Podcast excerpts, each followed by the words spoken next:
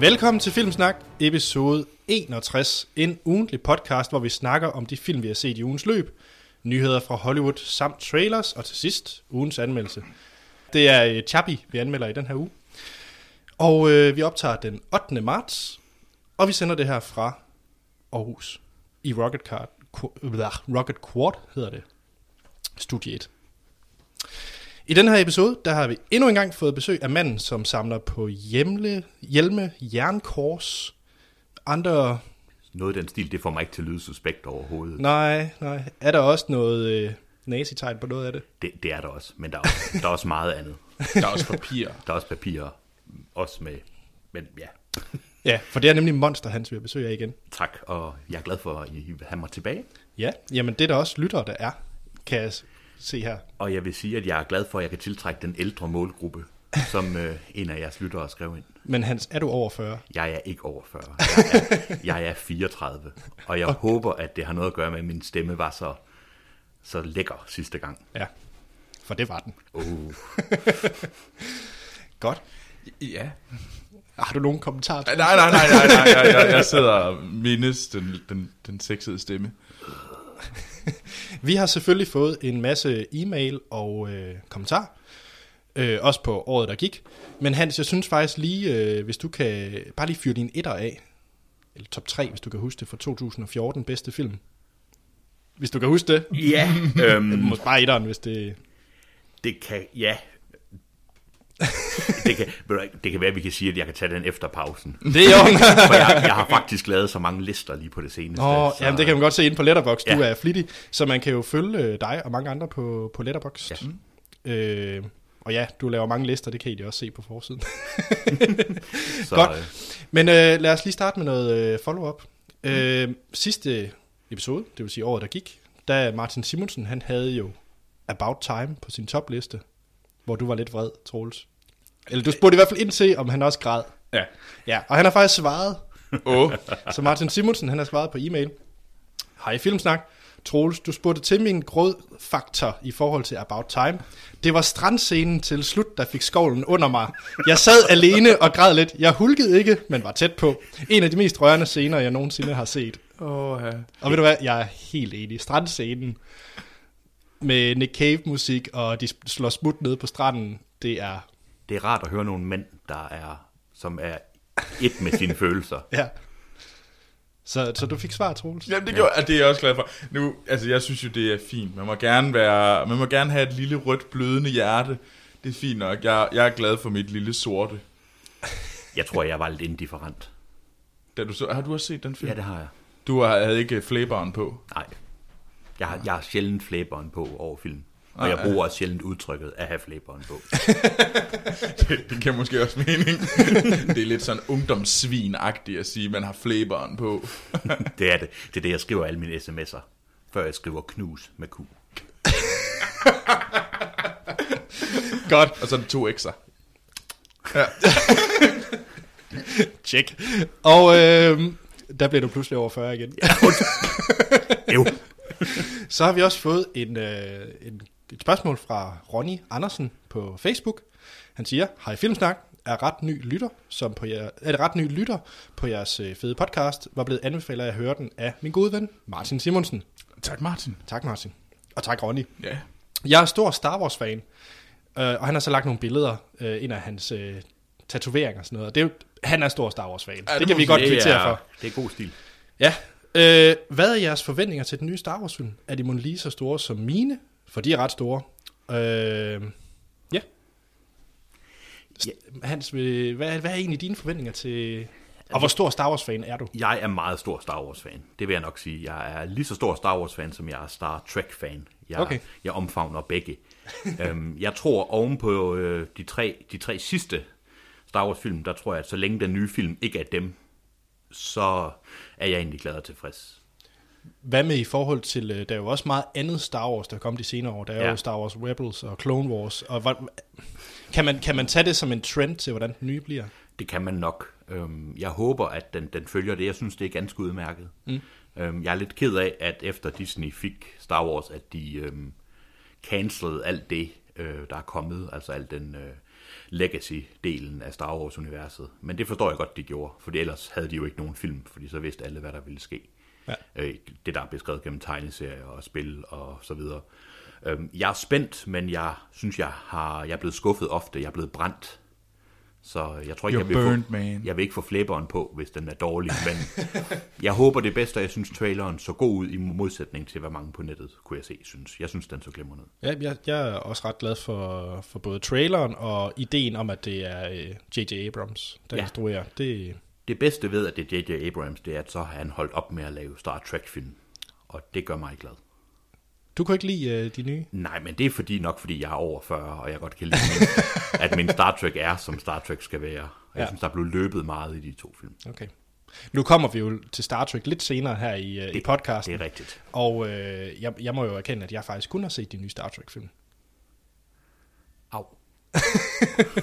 det, øhm, ja, det, det har jeg ikke noget at sige til. Øh, så vil jeg sige, men jo, det har jeg faktisk. Så vil jeg sige, du har meget godt til gode. Ja, det er der mange, der har sagt, men øh, hver gang jeg så spørger, hvor skal jeg starte, så får jeg altid det der blag, blue, blag. Øh, Der, jeg har kun et svar. Nå. Det er, at du kan vente med Original Series, og du skal starte med Star Trek uh, Next Generation. okay, Det er det. bum, så er den øh, afgjort. Så kan du hoppe over Voyager, og så kan du gå direkte til Deep Space Nine, og det er det. Det er, ja, Ja, men det lød, øh, det er det mest øh, straight svar, jeg nogensinde har fået på det spørgsmål. Så. øh, men Troels, er det din mest ventede film i år? Altså den nye Star Wars? Altså hvor, hvor, hvor, hvor klar er du på det her Star Wars? Oh, det, det er nok uden tvivl den film, man ser mest frem til. Det er nok Star Wars film. Fordi at... Jamen, Det er jo også et event, det er jo en begivenhed. Ja, Ja. Sådan har jeg det også. Altså selvom jeg måske er parat til at blive skuffet, så er det Star Wars. Mm. Men det var også sjovt, i 2014 var det, det som, man, øh, som mange, nogen, mange beskriver, at den største ting, der skete i filmåret 2014, var traileren til Star Wars. Ja, det siger en del. Det siger meget. Ja. at der skete sgu ikke særlig meget sidste år. Nej, det, Og, ja. ja. Godt.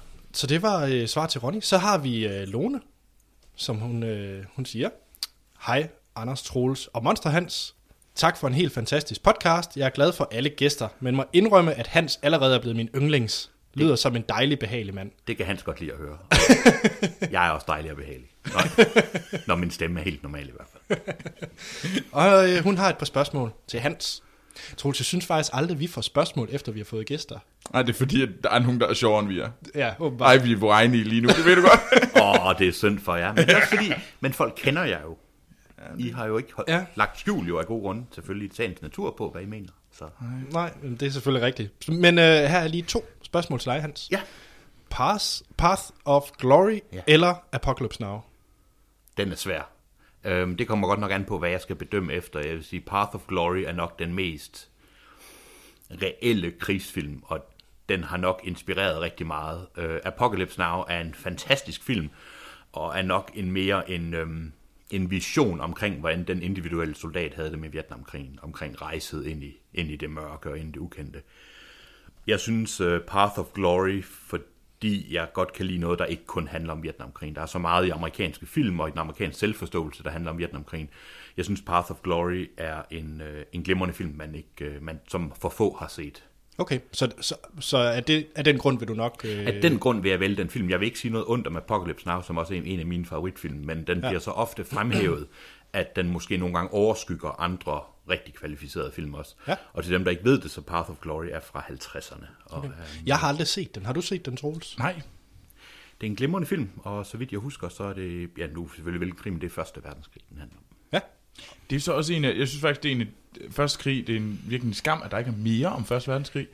Det, øhm, det er noget, der er på vej. Jeg tror, jeg kan ikke huske, om jeg har lavet den, men i hvert fald har jeg en liste på vej omkring bedste film, der i hvert fald har noget at gøre med Første Verdenskrig. Det er også Det sjovt, glæder jeg mig til. Ja. Computerspil, der er også øh, på sådan noget, det der, det der hedder Steam Greenlight. De Ja. her upcoming spil, der er der tre Første verdenskrigs øh, computerspil, der ligger ret højt på listerne. Så det er åbenbart også blevet en ting i computerspilsverdenen. Det har nok også noget at gøre med 100-året, som i hvert Ah, fald ja. ah, ja. i England er blevet virkelig, virkelig højt promoveret med udstillinger, bøger og ja. film. Og, ja, jeg, jeg håber i hvert fald, det, er en, det lyder mærkeligt, men det er en krig, der er, har fortjent mere opmærksomhed, end den har fået indtil Og jeg synes også, Er det en undervurderet krig, det, Hans? er det er ked af alle de millioner døde, men ja, det er en vigtigere krig. Jeg synes altså også, altså igen, det kommer til at lyde meget forkert, jeg synes også, det er en sejre krig i 2. verdenskrig. Det, det er det også. Altså-. Men det er også fordi, i 2. verdenskrig, der er nazister med, og alle folk kan jo godt lide nazister, det er de onde og de Ja, gode. ja, ja. I Første verdenskrig, der er det lidt mere, hvem er de, hvem er de onde, og hvem er de gode, og. Nu kunne jeg godt sidde her og lave en lang analyse af forskellen. Det kan vi øh, Det kan vi altid tage, vende til en mere kedelig podcast med. når vi har øh, Første Verdenskrig special. Ja, uh, Men... Jeg er ikke sikker på, at jeg kan lave en top 10. det er der vist ingen, der kan. Godt. Så har vi, øh, ja det var tak til Lone Ja. for den, de to spørgsmål. Så er der Niels Munk. Hej, Anders og Troels. Jeg synes, Hans var lidt hård øh, ved jer, og derfor lavede denne lille hurtige quiz, I kan stille til ham. Øh, og der er fem spørgsmål, Hans. Det vil jeg se frem til. Det er nu, jeg selvfølgelig allerede skal undskylde på forhånd, når jeg nu øh, crasher og burner helt vildt. Men, øh, Jamen, det, øh, jeg kan svare på en af dem. Og jeg vil kunne gætte på en anden. så, så længe det ikke har noget at gøre med årstal eller skuespillere. Det er det ikke. Og Troels, du har faktisk heller ikke set spørgsmålet. jeg har ikke set fordi jeg, jeg, jeg vil gerne, og så vil jeg, hvis jeg skal svare på mere end dig, så, så mobber jeg dig. Det, det er lidt et problem. Ja. Fordi så, ja, det kommer jeg aldrig til at høre The End of, i hvert fald. Men øh, skal vi tage det, hvor øh, han, han får lov til at svare først? Ja, ja, Så kan Troels øh, counter, hvis det er, at han er uenig. Eller, Ja. øh, Lad os gøre det på den måde. Ja, så spørgsmål 1. Og jeg tror også, det er lavet sådan, at det stiger i sværhedsgrad. Okay. Det, det føler jeg i hvert fald, når jeg læser det. Nå. Ja. Under hvilken krig foregår Platoon? Platoon foregår under Vietnamkrigen. Og så kan vi så diskutere, om den foregår i The Central Highlands, i The Lowlands, er det området syd for Saigon. Jeg tror, det er omkring The DMC, Demilitarized Zone, mellem Nordvietnam og Sydvietnam. Er du enig, Troels? Selvfølgelig, altså jeg er måske lidt mere... ja, Godt. Det er fuldstændig korrekt. Hvilken Robert De Niro-film var Cavatina theme music?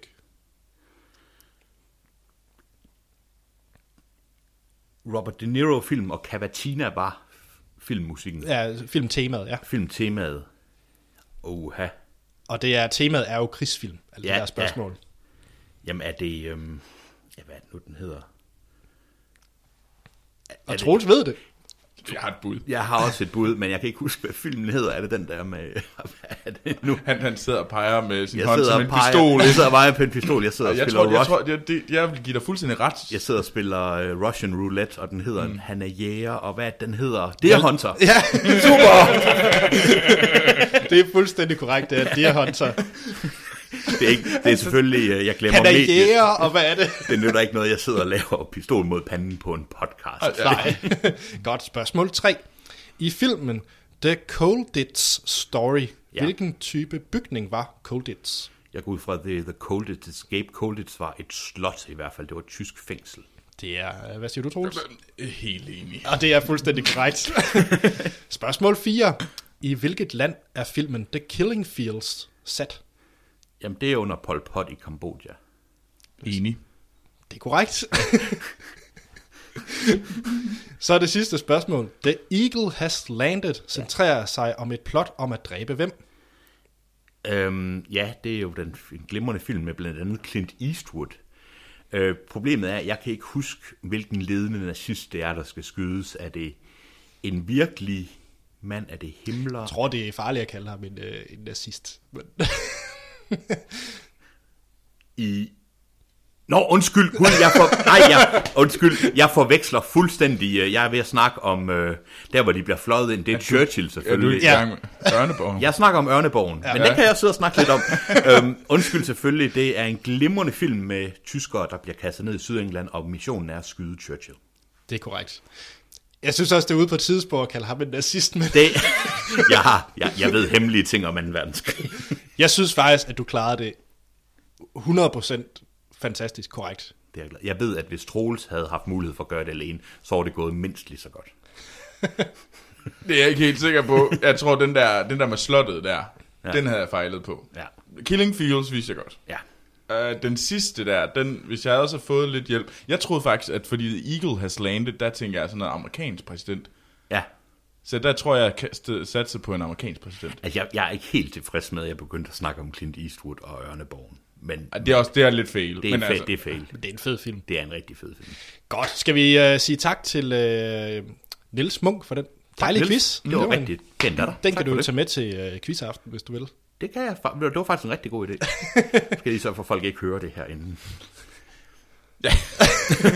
det ved jeg ikke, hvordan du klarer. Der er selvfølgelig et honor system deroppe. det er korrekt. Ja. Godt.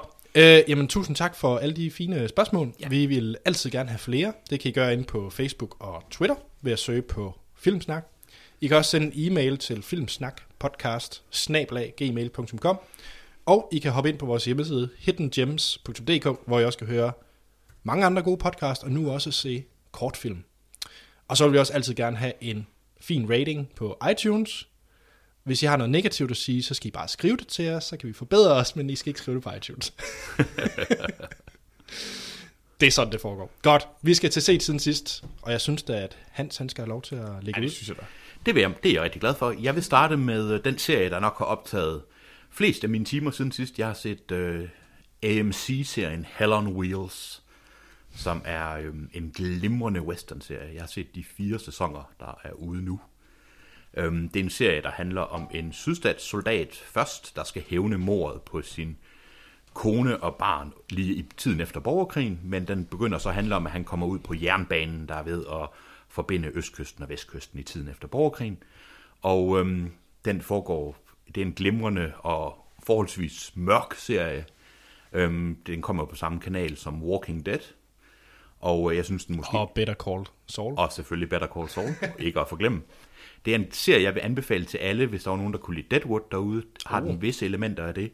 Den er måske ikke helt lige så, sådan, så dyb som, som Deadwood, men det er en virkelig god serie, og med meget usympatiske og sympatiske personer for. Men jeg fik ikke lige fat i, er det western som i Deadwood, eller mere over i sådan noget justified western? Det, det er western som i Deadwood. Okay. Øh, så den foregår i den her Hell on Wheels, det er det, som den, den by hedder, som de bygger. Så det er en bevægelig by, der hvor jernbanen er kommet til. Så der er frigivende slaver, der er flygtede forbrydere, der er, hvad hedder det, røverbaroner og prostituerede og det hele, og indianere og folk, der dør og bliver skalperet. Og Okay. der er blandt andet øhm, den øh, musikeren Common spiller med, hvis I kender ham, mm. som blandt andet fik en Oscar. Så Ja, han fik en Oscar. Han er glimrende i den, og manden, der spiller hovedpersonen, en, der hedder Anson Mount, er også glimrende som, øh, som den her eks-sydstatssoldat. En virkelig god serie. Spændende. Hvad med production value? Er det noget, der er Højt, højt, højt production value, sådan filmisk niveau. fedt? Jamen, øh, den kunne jeg godt finde på at, ja. Ja. på at se. Fordi jeg synes egentlig, at, at man mangler sådan lidt den der western-serie. For at være helt ærlig, fordi har der været noget siden uh, Deadwood? Nå, Nej, det har er- der vel egentlig ikke. Nej. Ikke noget, jeg lige kan komme på. Og det er nemlig det, jeg synes også, øh, western-genren var jo tilbage i nogle år. Og der var selvfølgelig True Grit, der kom ud som en glimrende film. Men som der... Ja, der var jo, jeg synes i nullerne var der jo fabelagtigt mange fede, fede, også øh, moderne western-film. Ja. Øh, og det var også der, Deadwood er vel også, den er jo for nullerne. Øh, Ja, det er Jeg synes, Ja. det, er jo, det, den er, det er jo også en ret vild Ja. øh, mm. serie. Det er jo nærmest sådan en Shakespeare ja, øh, western. Altså, øhm, jeg vil i hvert fald anbefale Hell on Wheels. Den er, den er mørk, men det er en hovedperson, man har lyst til at følge, og man skal ikke nødvendigvis blive alt for knyttet til alle bipersonerne. øhm, der, er de, der er nogen, der afgår løbende, vil jeg sige, men det er en virkelig, virkelig interessant serie. Er det baseret på noget, eller er det... Øh... Nej, der er nogen virkelige personer med, men okay. der er så taget liberties med deres øh, historier og sådan noget, men den følger nogenlunde præcist øh, jernbanens fremrykning Fedt. og problemerne og så videre, og kampen mod indianerne. Jamen, så vil jeg øh, se Hell on Wheels. Jeg har solgt, og den, jeg kan se, jeg har lige tjekket, den er på dansk Netflix. Det er, det er den de første to sæsoner i hvert fald. Ja. Og øh, hvis man vil have ondsindede mormoner og en øh, morderisk nordmand, så, er det, så optræder de også i Hell on Wheels. Altså, jeg har lyst til, og det er muligvis igen Troels, der går over og gevind, men er alle mormoner ikke sådan lidt onde? Det, jeg, øh, den har jeg ikke lyst til at røre Nej, med en... jeg øh, synes, vi skal hoppe videre. Det var noget gris, Troels. Fy! Ja. Øh, jamen, er det, er det min tur? til Ja, det er rund. Rundturen. jamen, jeg har også været på besøg i Netflix-land. Jeg har nemlig set uh, House of Cards, sæson mm. 3. Det var en uh, lørdag, lørdag. Jeg vil ikke sige aften, for det var faktisk en hel lørdag. Det var lørdag. Du tog det store sugerør og stak det ned i Netflix, og så sugede du hele dagen lang. Ja, ja. Den fortsætter jo bare. Når, når det afsnit er færdigt, så kører den bare næste. Ja. Godt. Øh, jeg vil ikke spoil noget øh, House of Cards. Hvis man ikke ved, hvad det er, så er det jo den her serie øh, skabt af, eller det er oprindeligt en britisk øh, BBC-serie, som så øh, David Fincher, han øh, valgte at, øh, at lave en amerikansk udgave af. Han instruerede de to første øh, afsnit, og sikkert også noget executive producer på det. Og øh, det handler om øh, Frank Underwood og øh, hans kone, spillet af Robin Wright, og øh, nu forsvinder navnet. Ja, øh, Øh, Kevin Spacey. Kevin Spacey, selvfølgelig, selvfølgelig. Wow. Og deres øh, liv i Washington, hvor de gerne vil have politisk succes. Og jeg vil ikke spoil, som sagt, øh, første og anden sæson, men her i tredje sæson, jeg synes, tredje sæson er tæt på at være den bedste sæson. Øh, og det, øh, nu når jeg har været rundt på, på internetlandet, så er jeg måske en lille smule alene på det. Men det, jeg godt kan lide ved tredje sæson, det er, at den er meget mere West Wing politisk. Den er meget, meget mere op i politiske intriger, specielt med forholdet mellem øh, Rusland og USA. Og det synes jeg bare er mere spændende end de her mere det ved jeg ikke, crime og forholdsmæssige ting, der foregår i første og anden sæson. Så kan jeg bedst lide det her West Wing drama. Og det er tredje sæson. Øhm, så har vi jo en dansker med i tredje sæson. Lars Mikkelsen, han spiller Ah, ja. jo øh, russisk præsident. Og det, øh, jeg er meget begejstret for øh, Kevin Spacey og Robin Wright i deres roller. Jeg synes faktisk lidt, at Lars Mikkelsen han giver dem kamp til stregen. og det er ikke, fordi jeg har min dansker hat på. Jeg er meget begejstret for Lars Mikkelsen.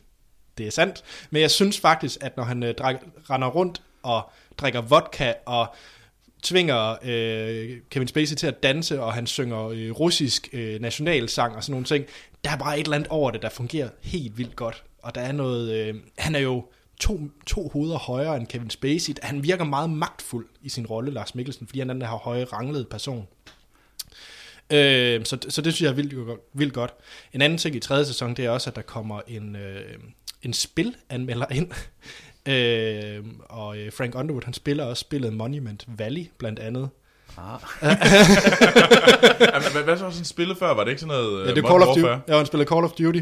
Og nu er han blevet mere over i indie-genren. Det er meget, uh, han er blevet hip og smart. Ja. ja. foregår på mange planer. Ja, så det, det er en mild spoiler, men ham her spilanmelderen, han, fordi at Frank Underwood, det er faktisk meget sjovt, han har, han har læst en anmeldelse af Monument Valley-spillet, og det synes han simpelthen, det solgte ham så godt, at ham, der har skrevet det, må kunne skrive en god bog om ham. Oh. uh, så det er også en del af temaet i tredje sæson, det er den her øh, bog, der skal skrives om ham. Jeg vil prøve at spørge, har du set uh, BBC-serien? Nej, men uh, Lena, min kæreste, kom til at spoile, hvad der sker i den britiske. Au. Ja, Okay, jamen, det skal vi ikke sige noget om. Nej. Men, men ja. Men du, jeg vil i hvert fald... Så jeg, var en, der, var, der var lukket for det varme vand i en uge, eller hvad? jeg var ikke tilfreds. Men det var fordi, at uh, der er kun tre sæsoner af den britiske, så ja. Lena, min kæreste, troede faktisk, at det her også var den sidste ja. sæson. Uh, men der kommer jo mere. Og den, øh, den er også baseret på nogle bøger, Ja. vil sige. Og der, så der er nogen, det er ikke...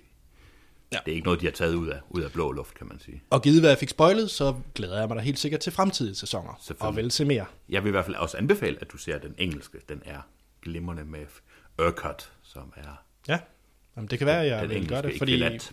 som sagt, jeg synes, at anden sæson var lidt svag i det. Øh, men synes, den er kommet rigtig godt igen her i tredje sæson. Jeg, jeg, jeg, jeg missede nemlig de sidste tre afsnit, og der må jeg sige, dem har jeg bare ikke rigtig kunne tage mig sammen til at se i anden sæson. De står bare og skriger af mig, Trolls, watch me, og jeg kan simpelthen ikke tage mig sammen. Nej. Fordi jeg så tænker sådan, ah, men der er faktisk kommet nyt en afsnit af Empire, Black Dallas, det vil jeg bare hellere se. Og Teen Wolf starter vel igen. Ja, Jeg ved faktisk ikke, hvornår Team Bull starter igen. jeg føler også, at det er en mangel i en dårlig opdragelse, jeg har fået åbenbart. At jeg, jeg så første sæson, og jeg kunne ikke få mig selv til at se anden. Jeg synes Nå. ikke, det var dårligt. Jeg tror bare, at den var sådan lidt... Meh. Men Okay. jeg, jeg ved, at jeg skal give den en chance. Jeg, ja.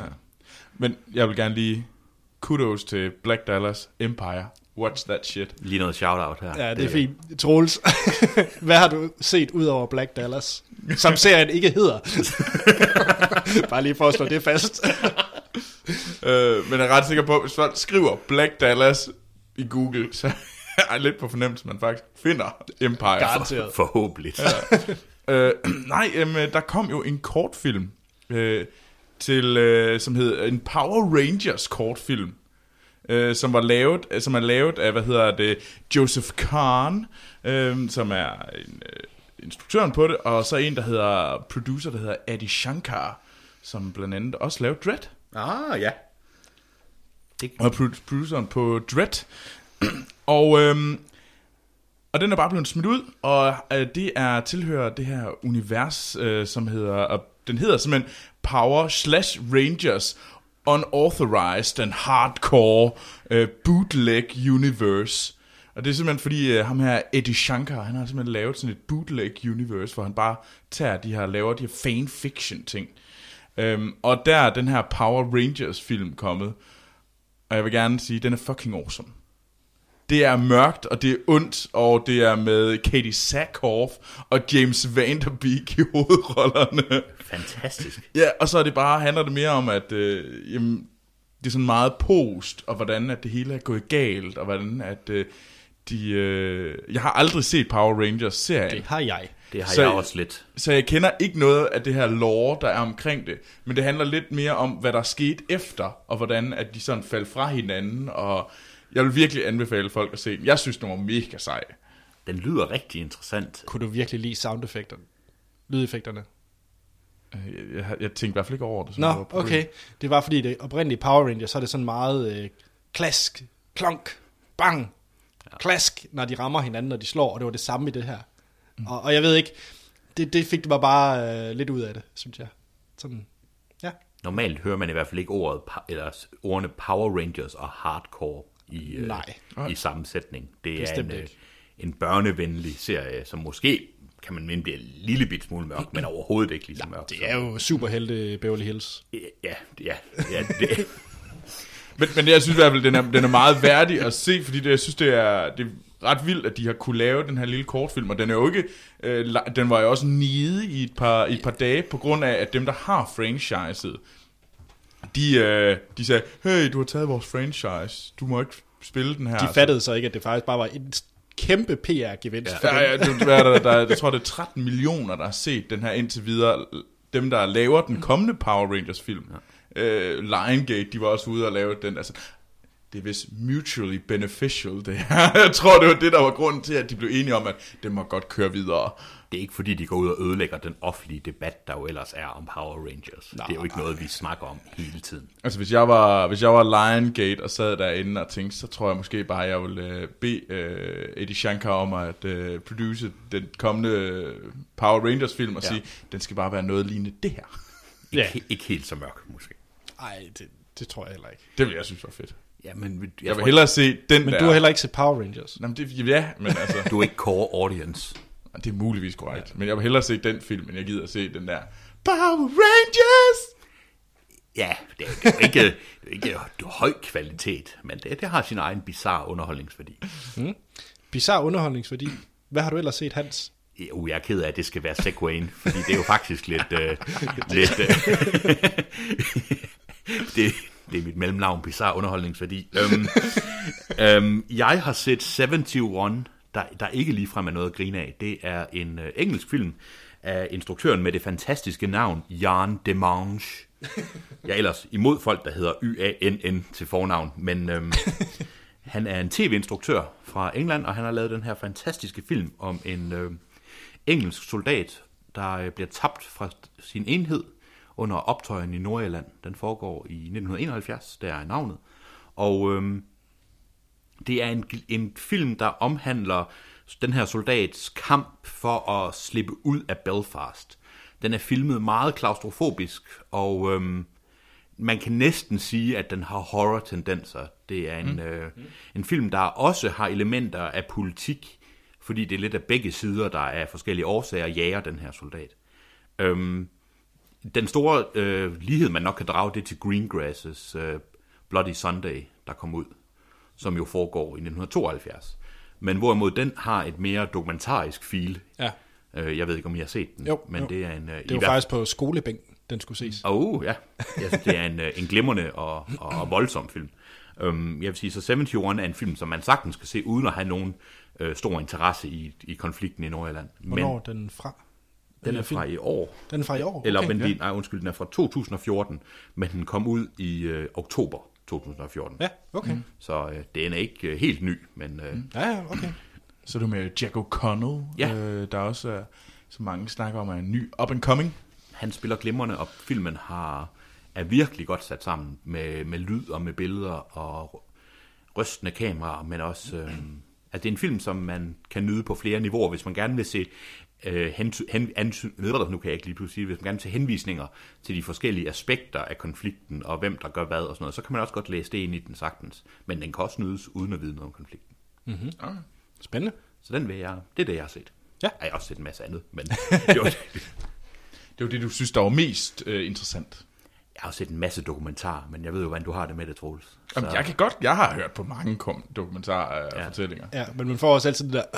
Øh, jeg ja, lige præcis. Som om, åh, nu sidder du og ja, laver lidt dokumentar-wank herover. Men, Jamen, det øh, gør I også. Det, det er uden tvivl. Der står Anders der, og ved man sådan, åh oh, ja, fortæl mig mere om din, din dokumentar, din talking head. Men du kan jo spørge mig, om jeg har set en dokumentar siden sidst. Har du set en dokumentar siden sidst, Anders? Nej, eller jo, det har jeg. Men, men det er ikke lige det, jeg vil tage op her. uh, nej, jeg har uh, den sidste film, jeg lige vil bringe med. Det er The Skeleton Twins. Jeg tror faktisk, du snakkede om den i sidste episode, uh, Troels. Og det var faktisk det, der lige triggerede mig. Fordi du snakkede om, at du manglede at se uh, Ida og The Skeleton Twins. Ja. Ja. For ligesom at... Uh, for du rigtig følte, du havde lukket din top 10 liste mm. fra 14. Og det triggerede mig til, at jamen, den skal jeg da se så, The Skeleton Twins. Og det er med, øh, ja, fra sidste år, med Kristen Wiig og Bill Hader i hovedrollen. Og jeg vil sige, 50% af det er meget fint. Øh, Jeg har det lidt svært med Bill Hader. Øh, Uha. og det er... Øh, jeg synes bare, at hans sketches, han begge to er ført fra Saturday Night Live, hvor Ja. de blev store. Og jeg har altid syntes, Bill Hader var en lille smule øh, irriterende. Uh, jeg synes jo, du er en rigtig fin fyr, Anders, men det her, det, det har jeg svært ved at glemme. Jeg synes, Bill Hader er en af de sjoveste komikere, Det kan jeg slet jeg har ikke set forstå. i lang tid. Det, Altså, det, det kan jeg ikke forstå.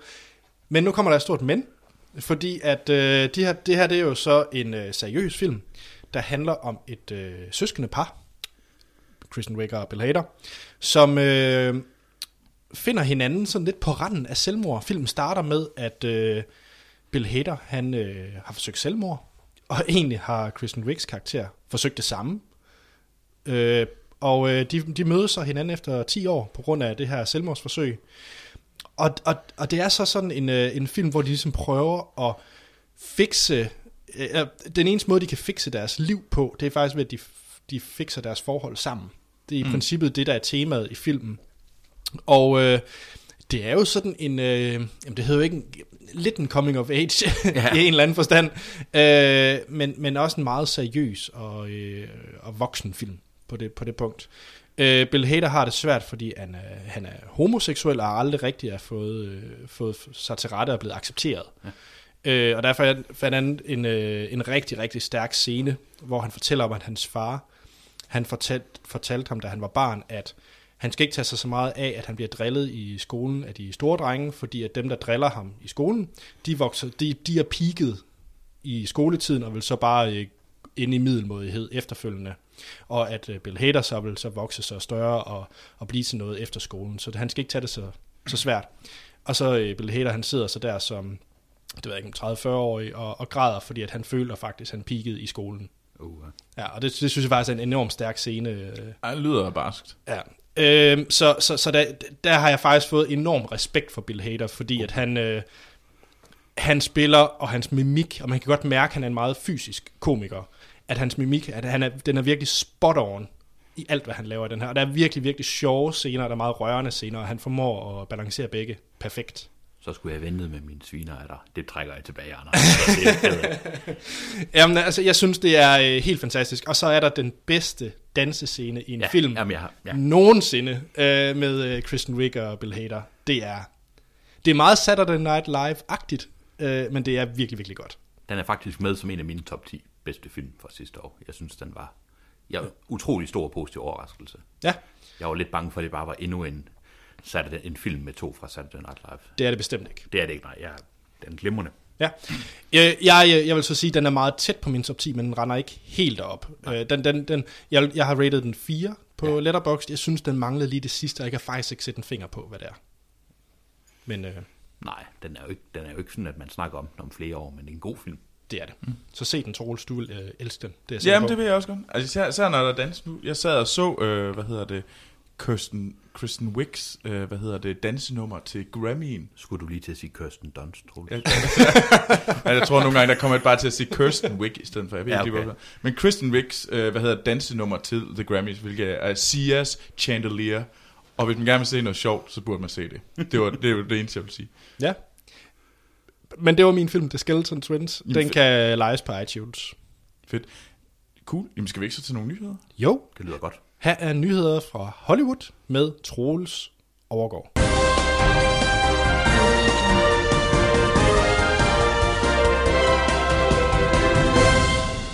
Ja, og så skal vi til nyheder fra Hollywood.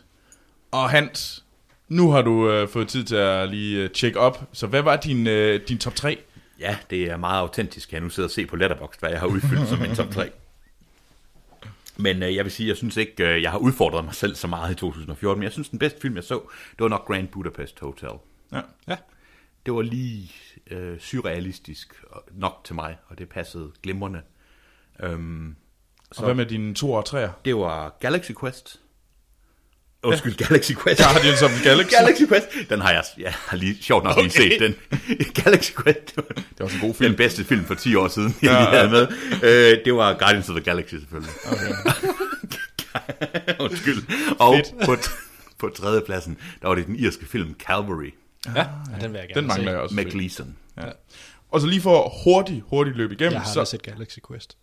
det burde du se. Jeg har undermineret mig selv. Men øh, hurtigt løbe igennem, så Action Mortens top 3 hedder Birdman, Guardians of the Galaxy og The Lego Movie, og lige en, Sådan. lige en enkelt ting, så har han The Raid 2 på en fjerde plads. Jo, jo, men han er Awesome. Lego movie. movie Men. Lego Movie med, det ved jeg. Og, og Sci-Fi 4, det er det, hun, hendes nummer 1 er Guardians of the Galaxy, så er det Gone Girl og Birdman, øh, og så har vi Sort-Hvid Sten, han er meget mere art, og har, hvad hedder det, Grand Budapest Hotel, Ida og Birdman på, i hans top 3. Wow, hvor overraskende. Det Der. er meget art. Det er så artsy. Han burde bare have haft Ida nummer et. Ja, det, det er rigtigt. Han er sikkert ked af de andre i farver. Og så øh, har vi øh, Animator Martin, og der har vi Grand Budapest Hotel på førstepladsen, Ja, efterfulgt af Birdman og Interstellar. Ja. I kan se øh, alle deres, øh, der, hele deres top 10'er, øh, alle sammen, også alle sammen faktisk, dem kan I se på Letterboxd, og I kan bare gå ind og finde øh, mig, jeg hedder Troels Overgaard, eller dig, Anders, du hedder Ata Holm, og Hans, hvad er du hedder derinde? Jeg har valgt det totalt smarte navn. Hele mit navn. Hans Richard Kalsmidt Nielsen. Det er det, de unge vil have.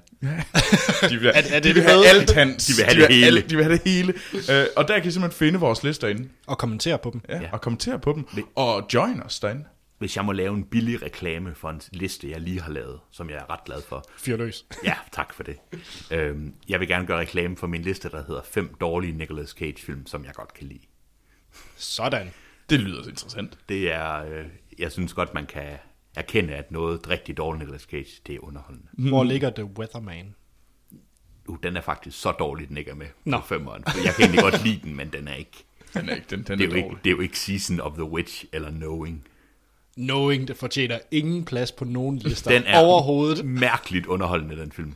Det forstår jeg ikke. Det kan være, at I skal have en special, der hedder Nicolas Cage? Det kunne vi faktisk godt. Åh oh, gud. Vi kunne godt tage Nicolas Cage. Han har været med i mange mærkelige film, hvor nogle af dem er rigtig gode, og Ja. nogle af dem er nogle stinkers. Ja. Ja. Men uh, lad os komme til uh, nyheder, nogle nyheder.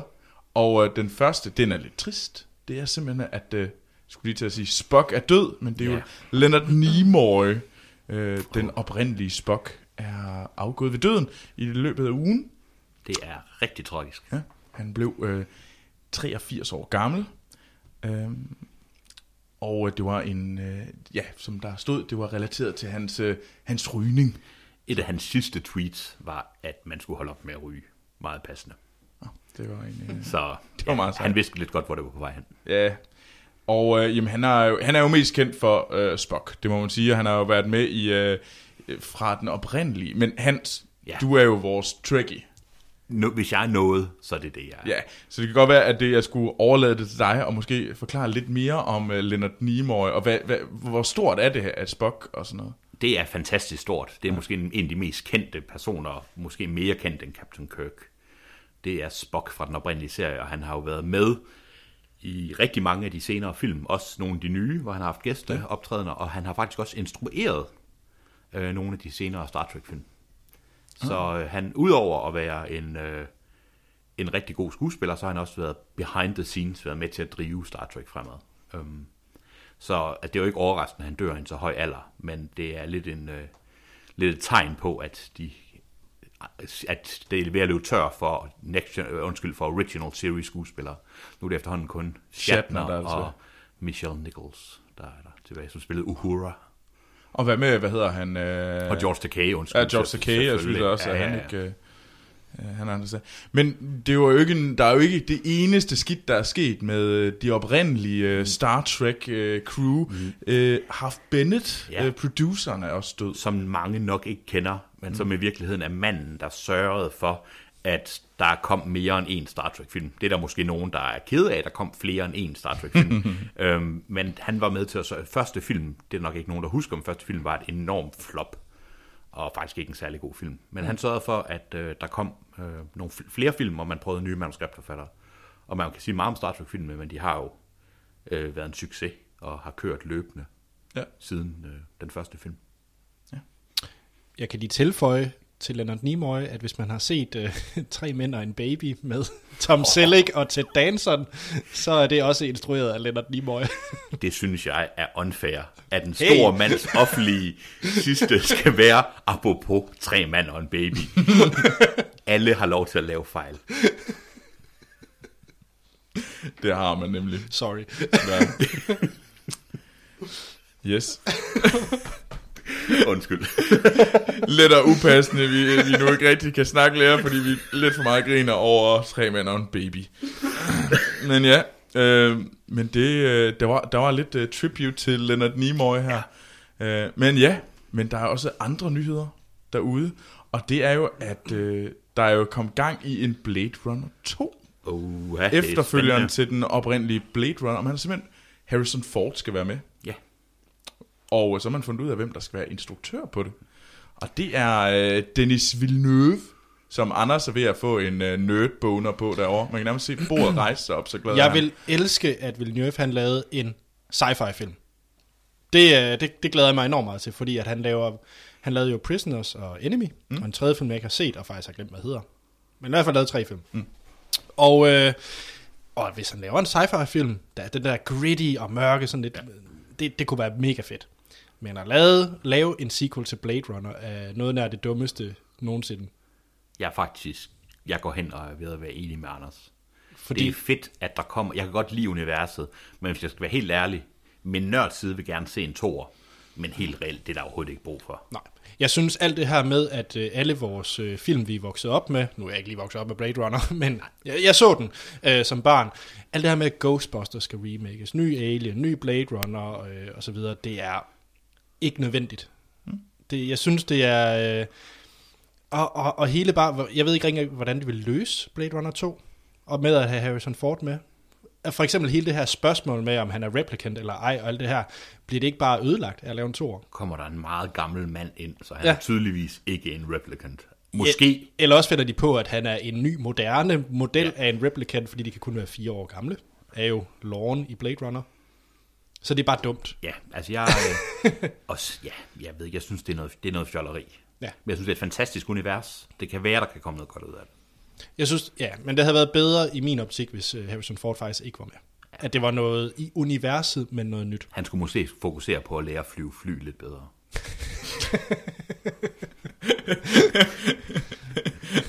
Det var, det var, det var ikke, det var, det var ikke øh, okay, at vi nævnte Leonard Nimoys tre mænd og en baby, men det er sjovt nok at gøre grin med en anden ældre herre, der styrter ned med et fly. På en golfbane. Han På en har det golfbane. okay. Han ja, har det, Det okay. er rigtigt, han har det okay. Oh, tror jeg.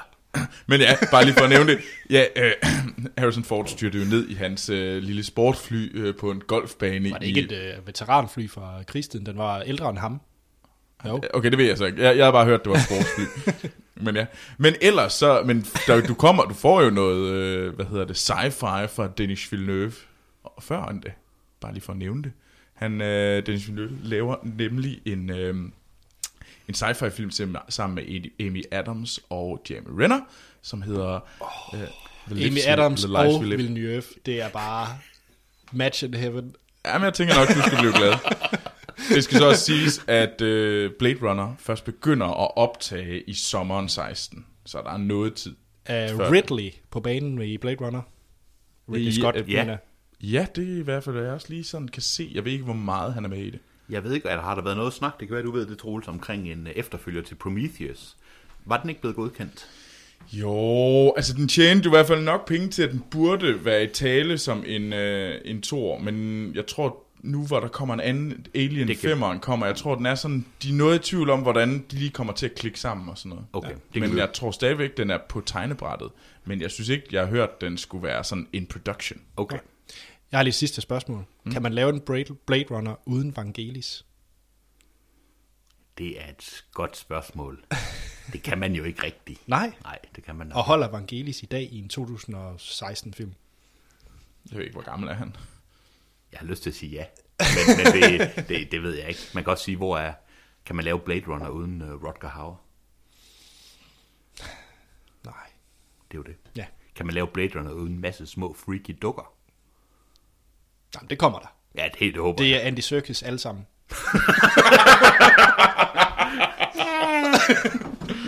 Åh, ja. Smuk. Og tak for den kommentar. øh, men ja, men vi har jo også set nogle trailere. Og vi har blandt andet set traileren til Mr. Holmes. Ja. Som er, er Bill Condon. Jeg ved godt, det lyder. Han hedder Condon. C-U-N-D-U-N. Jeg havde ikke tænkt på det, hvis du ikke havde sagt det på Nå, okay. måde. Du, du, du, jeg skal sige, at Hansen lignede en, som var i gang med at flække af grin, fordi jeg har sagt, ja, noget andet. Troels, bare videre. Ja, det- okay, ja. Bill Condon, som øh, har lavet øh, Kinsey øh, og øh, Dreamgirls, og lige for at toppe den, Twilight Breaking Bad.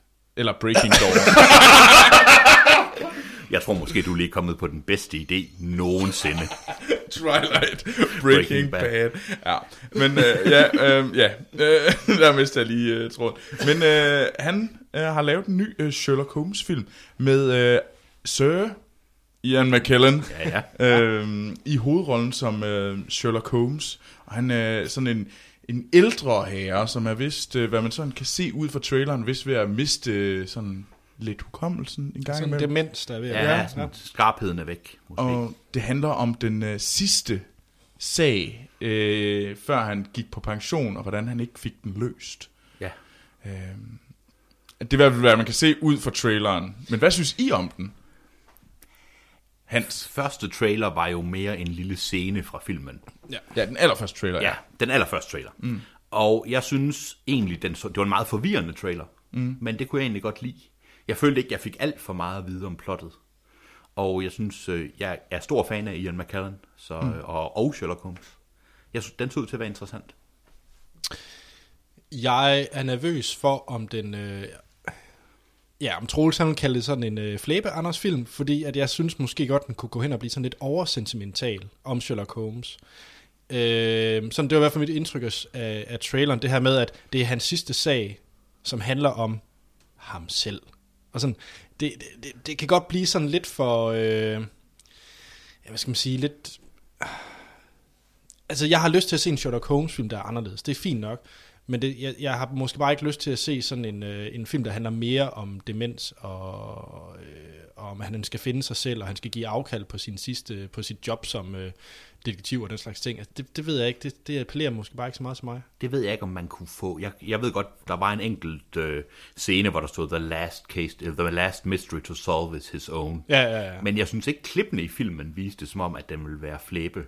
Flæbe Oh, jeg synes med ham, den lille dreng, der hele tiden skulle hen og snakke med ham, og øh, han skulle lige kigge på armen, fordi han ikke lige kunne huske, ja, hvad han hed. Og... Jeg, jeg fik det som sjovt pingpong, men det kan godt være, at jeg mm. har taget ja-hatten på lidt for meget. Det Nå, ved men jeg det, og det behold endelig den på. Ja. Jeg, jeg tror måske bare, at... Men Det ved jeg ikke, den, den lugtede meget lidt sådan, faktisk lidt Mr. Turner-agtig. Ja. ikke. Ja, det. Altså, jeg synes, den... Øh, altså, jeg må også sige, at øh, jeg glæder mig til at lidt at se den, men altså... Øh, instruktør, instruktørens track record med, at det sidste, han har lavet, det var to Twilight-film. Det skriger ikke noget, jeg har lyst til at sige. Og Dreamgirls. Se. Og Dreamgirls. Jeg havde ikke så meget mod Dreamgirls, men Nej, det er det også, fordi jeg er vel en Beyoncé-girl. Um, det er virkelig skidt. Altså, jeg ved ikke, hvad der, jeg ved ikke, hvordan han har fået det job. nej. Nej. Jeg håber, Kristen Stewart er med i Mr. Holmes. Okay. Nej, det håber jeg ikke. Men det er bare, han har lavet... Lad os håbe, at han kan lave... Et, altså, jeg synes, den så... Det er en film, jeg gerne vil se. Ja, det tror jeg også. Jeg, det er i hvert fald en film, jeg godt kunne, øh, øh, kunne have lyst til at lige at tjekke ud, øh, som den ser ud lige nu. Okay, hvis, jeg, okay, hvis det var, at det var den, eller at jeg lige havde set traileren til Guy Ritchies Sherlock Holmes, før jeg havde set Guy Ritchies Sherlock Holmes, så var jeg klart mere interesseret i den, fordi jeg synes, den var lidt mere anderledes Sherlock Holmes. Altså, her mener jeg Guy Ritchies. Så øh, jeg ved ikke, jeg, sy- jeg synes måske ikke, den, ud fra traileren, skulle den gøre mere, end det jeg så. Okay. Du, lig, du ligger ikke i soveposekø for at købe Nej, billet, når du nej. når. Nej. Det gør jeg ikke. Okay, soveposekø. Hvor, hvor langt kan man købe det på nettet? Jeg er over 40. Okay, super. Vi, øh, Men øh, vel, lad os gå videre til den næste trailer, fordi den næste trailer, det er til filmen Self slash Less. Det, det er det, der står. Ja, ja, ja, ja. Troels sidder med hænderne undskyldende over Ja, ja, skuldrene. undskylder, ja. Men, øh, og det er en... Øh, det er vel en art sci-fi film, øh, hvor at øh, man, hvis man er meget, meget rig og er ved at dø, jamen så kan man øh, gennemgå den her øh, procedure, hvor man ligesom skifter ens øh, sind og, og sig selv sin... Øh, Man, skift, man, man skifter transcenderer. Krop. Ja, man skifter simpelthen krop til en nyere, yngre krop, hvor man så ligesom kan øh, fulfill your life. Leve videre Ja. bedre. Ja, så det er vel sådan en art øh, øh, to live eternal. Øh. Ja. Hvem er med, Troels? Jamen, og det er nemlig, øh, hvad det kommer jeg til nu, øh, det er øh, Matthew Good og Ryan Reynolds, og øh, jeg ved godt, I sidder og venter, og Ben Kingsley. Uh, Sir, Sir Ben Kingsley. Jeg var også klar. Ja, ja, du... Åh, oh, er nederen. Men ja, øh, Sir Ben Kingsley. Jeg skal nok huske alle, hvem der har fået en adelstitel i den engelske dronning fra nu af. Og det, og den er lavet af, instruktøren er Tarsem Singh. Jeg ved ikke, om der er nogen, der kender det. Kender ham. Ikke umiddelbart. Men uh, lad mig lige uh, bringe jer nogle uh, hans CV af film, han har lavet før. Det er blandt andet Immortals. Uh, Uh, Og Mirror Mirror. det siger mig ikke engang det siger noget. mig ikke noget, nej. Åh, oh, lille spejl på væggen der. Huh? Altså, Det der hedder den på dansk. Åh, oh, er det den der... Øh... Er det sådan live, er det live action versionen af... Øh... Ja, åh oh gud, åh oh gud, ja det var det. det Nå, er med, øh, med, hvad hedder hun, øh, Julia Roberts? Julia Roberts. Hende med den store mund. Det er rigtigt, det er skidt. Ja. Ja. ja. Jamen, øh, jamen, det ved jeg ikke. Glæder man sig til den her? Jeg synes, den, jeg synes faktisk, den så margin, lidt spændende ud. Jeg stod dog lidt af, hvor det blev det her øh, Playboy-liv, man skulle se med Ryan Reynolds. Øh, Og rapmusik. ja, Jeg, jeg ved ikke, kan vi fortælle, hvad der skete i traileren? Ja. Okay, jeg, jeg følte, jeg fik alt for meget plottet at vide. ja. Øhm, det var, han, Ben Kingsley er en videnskabsmand, han får et tilbud om at leve videre, han overtager Ryan Reynolds' krop, og så er han, går han ud, og så lever han det fede Playboy-liv, og så, surprise, surprise, så er der nogle minder, der vender tilbage fra Ryan Reynolds' krop, og så kommer der nogle spørgsmål om, kan man slå folk ihjel, hvad, hvad er prisen, man vil betale? For og, evigt liv. Og det ser ud til, at det der var konflikten, han besøger måske sin tidligere familie og sådan. Og jeg, jeg synes, det ser ud til, at det der filmen ender, det er så e, to hjerner i en krop og Ja. så videre. Altså, jeg følte lidt, ja ja, ja ja, Set det før. set det før. Ja. Mm. Hvad siger du, Troels? Jamen, altså... Jeg synes sådan, starten var egentlig meget lovende. Jeg, jeg synes, det var ret, ret fint ind til, nemlig lige præcis, at øh, alle minderne kom tilbage, og altså, da, da Playboy et liv, nu skulle vi høre noget, øh, noget gangster rap, ja. og så noget bling, og så ser, kører man rundt med nogle, med nogle lækre kællinger, og han er ung, og han, der fyrer en, den en, filmen eneste sjove joke, jeg, det er første gang i, i 40 år, jeg ser ikke slattende bryster. Altså, Det var ikke det, han sagde. Nå, det var noget den stil. det var det, jeg Hvad hørte. fortolkede du, Troels? Det var det. Det var det, jeg hørte. Det var også det, han mente. Ja, det var det, det han Det var mente. Og det, at, fra, da den begyndte på det, så, så synes jeg også, den fejlede, og så tænker jeg, nej. Ja. Ja. Det, det kunne godt være, at det faktisk ikke var så godt, når vi så det igen. Og så, da jeg så så, hvad for nogle film uh, Tarsim Singh har lavet før, så har jeg virkelig slet ikke lyst til at se den. Det, det er altså, lidt noget bras. Altså, Sir Ben Kingsley har også lidt en tendens til hit and miss, vil jeg sige. Ja. Det kan være rigtig godt, men det kan også være han lige har en husleje, der skal betales. Jeg tror, den seneste film, jeg var glad for ham i, det var Hugo. Der var jeg ret glad for ham. Ja, den har jeg desværre ikke set. Den sidste trailer, vi har set, det er til filmen Dark Places. Og øh, det er fra øh, det er en film af øh, Gilles øh, Parquet øh, Brenner. Oh, oui, Jeg tror, han er fransk. yes, he's a, he's a French man. Uh, nej. Uh, Så derfor vil Troels tale sådan her. yes, I will talk like this. Uh, I am uh, apadab, allo, allo. Nej, men det er grund til, at jeg har taget den med. Det er simpelthen fordi, at det er en uh, filmatisering af Gillian Flynns uh, bestseller, der også hedder Dark Places. Og Gillian Flynn, det var hende, der lavede Gone Girl. Kvinden, der forsvandt. Kvinden, der Ah, forsvandt. Ja. Og, øhm, og det handler om, øh, hvad vi kan se ud fra traileren, så handler det om øh, en øh, ung pige øh, på 8, som oplever, at, at hendes forældre bliver dræbt, og hvad man tror, det- eller det skulle, hun vidner om, at det var hendes storebror, der gjorde, gjorde det.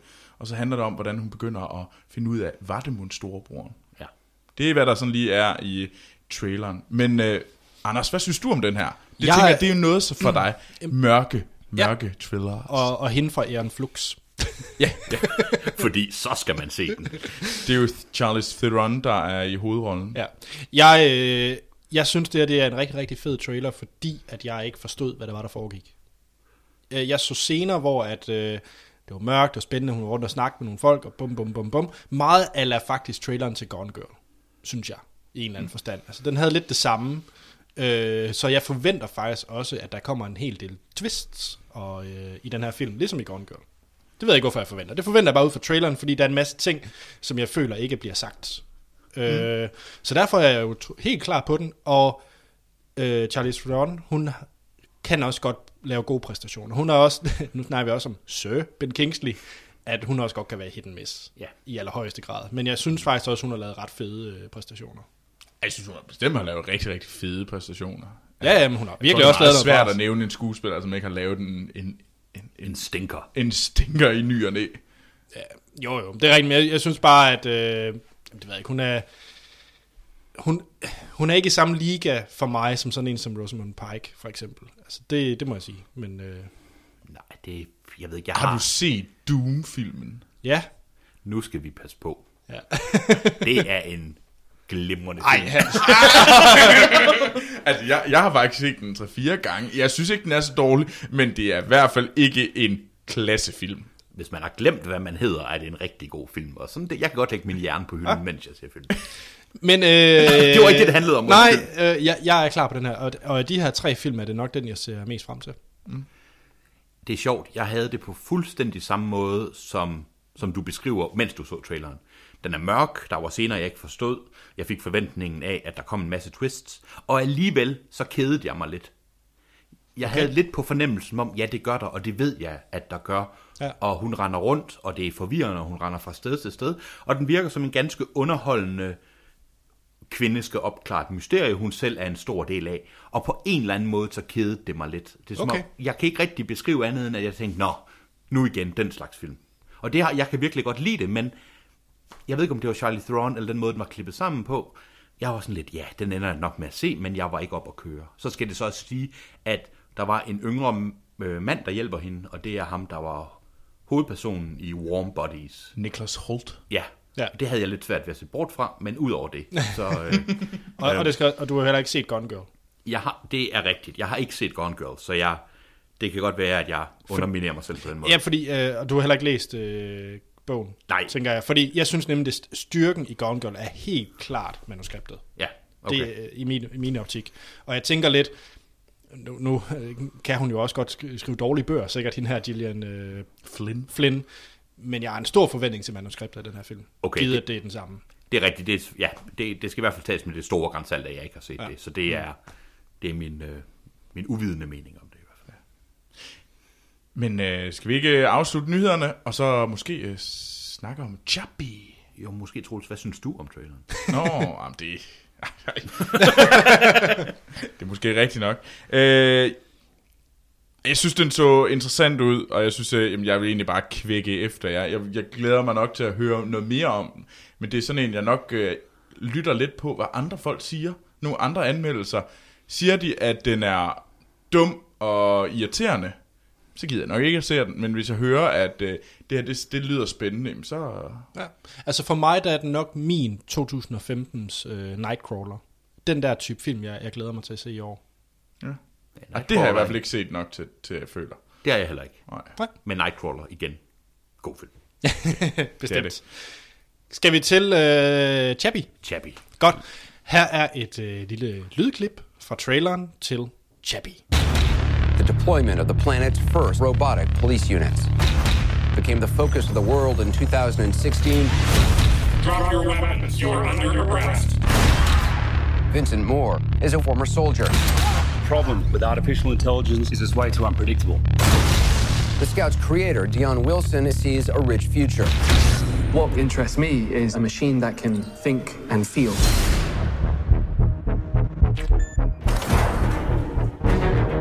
Have a robot that is operated by a thinking human being. We don't want this. It's expensive, it's big, and it's ugly. The Scouts are a huge success. Stop worrying about these pet projects.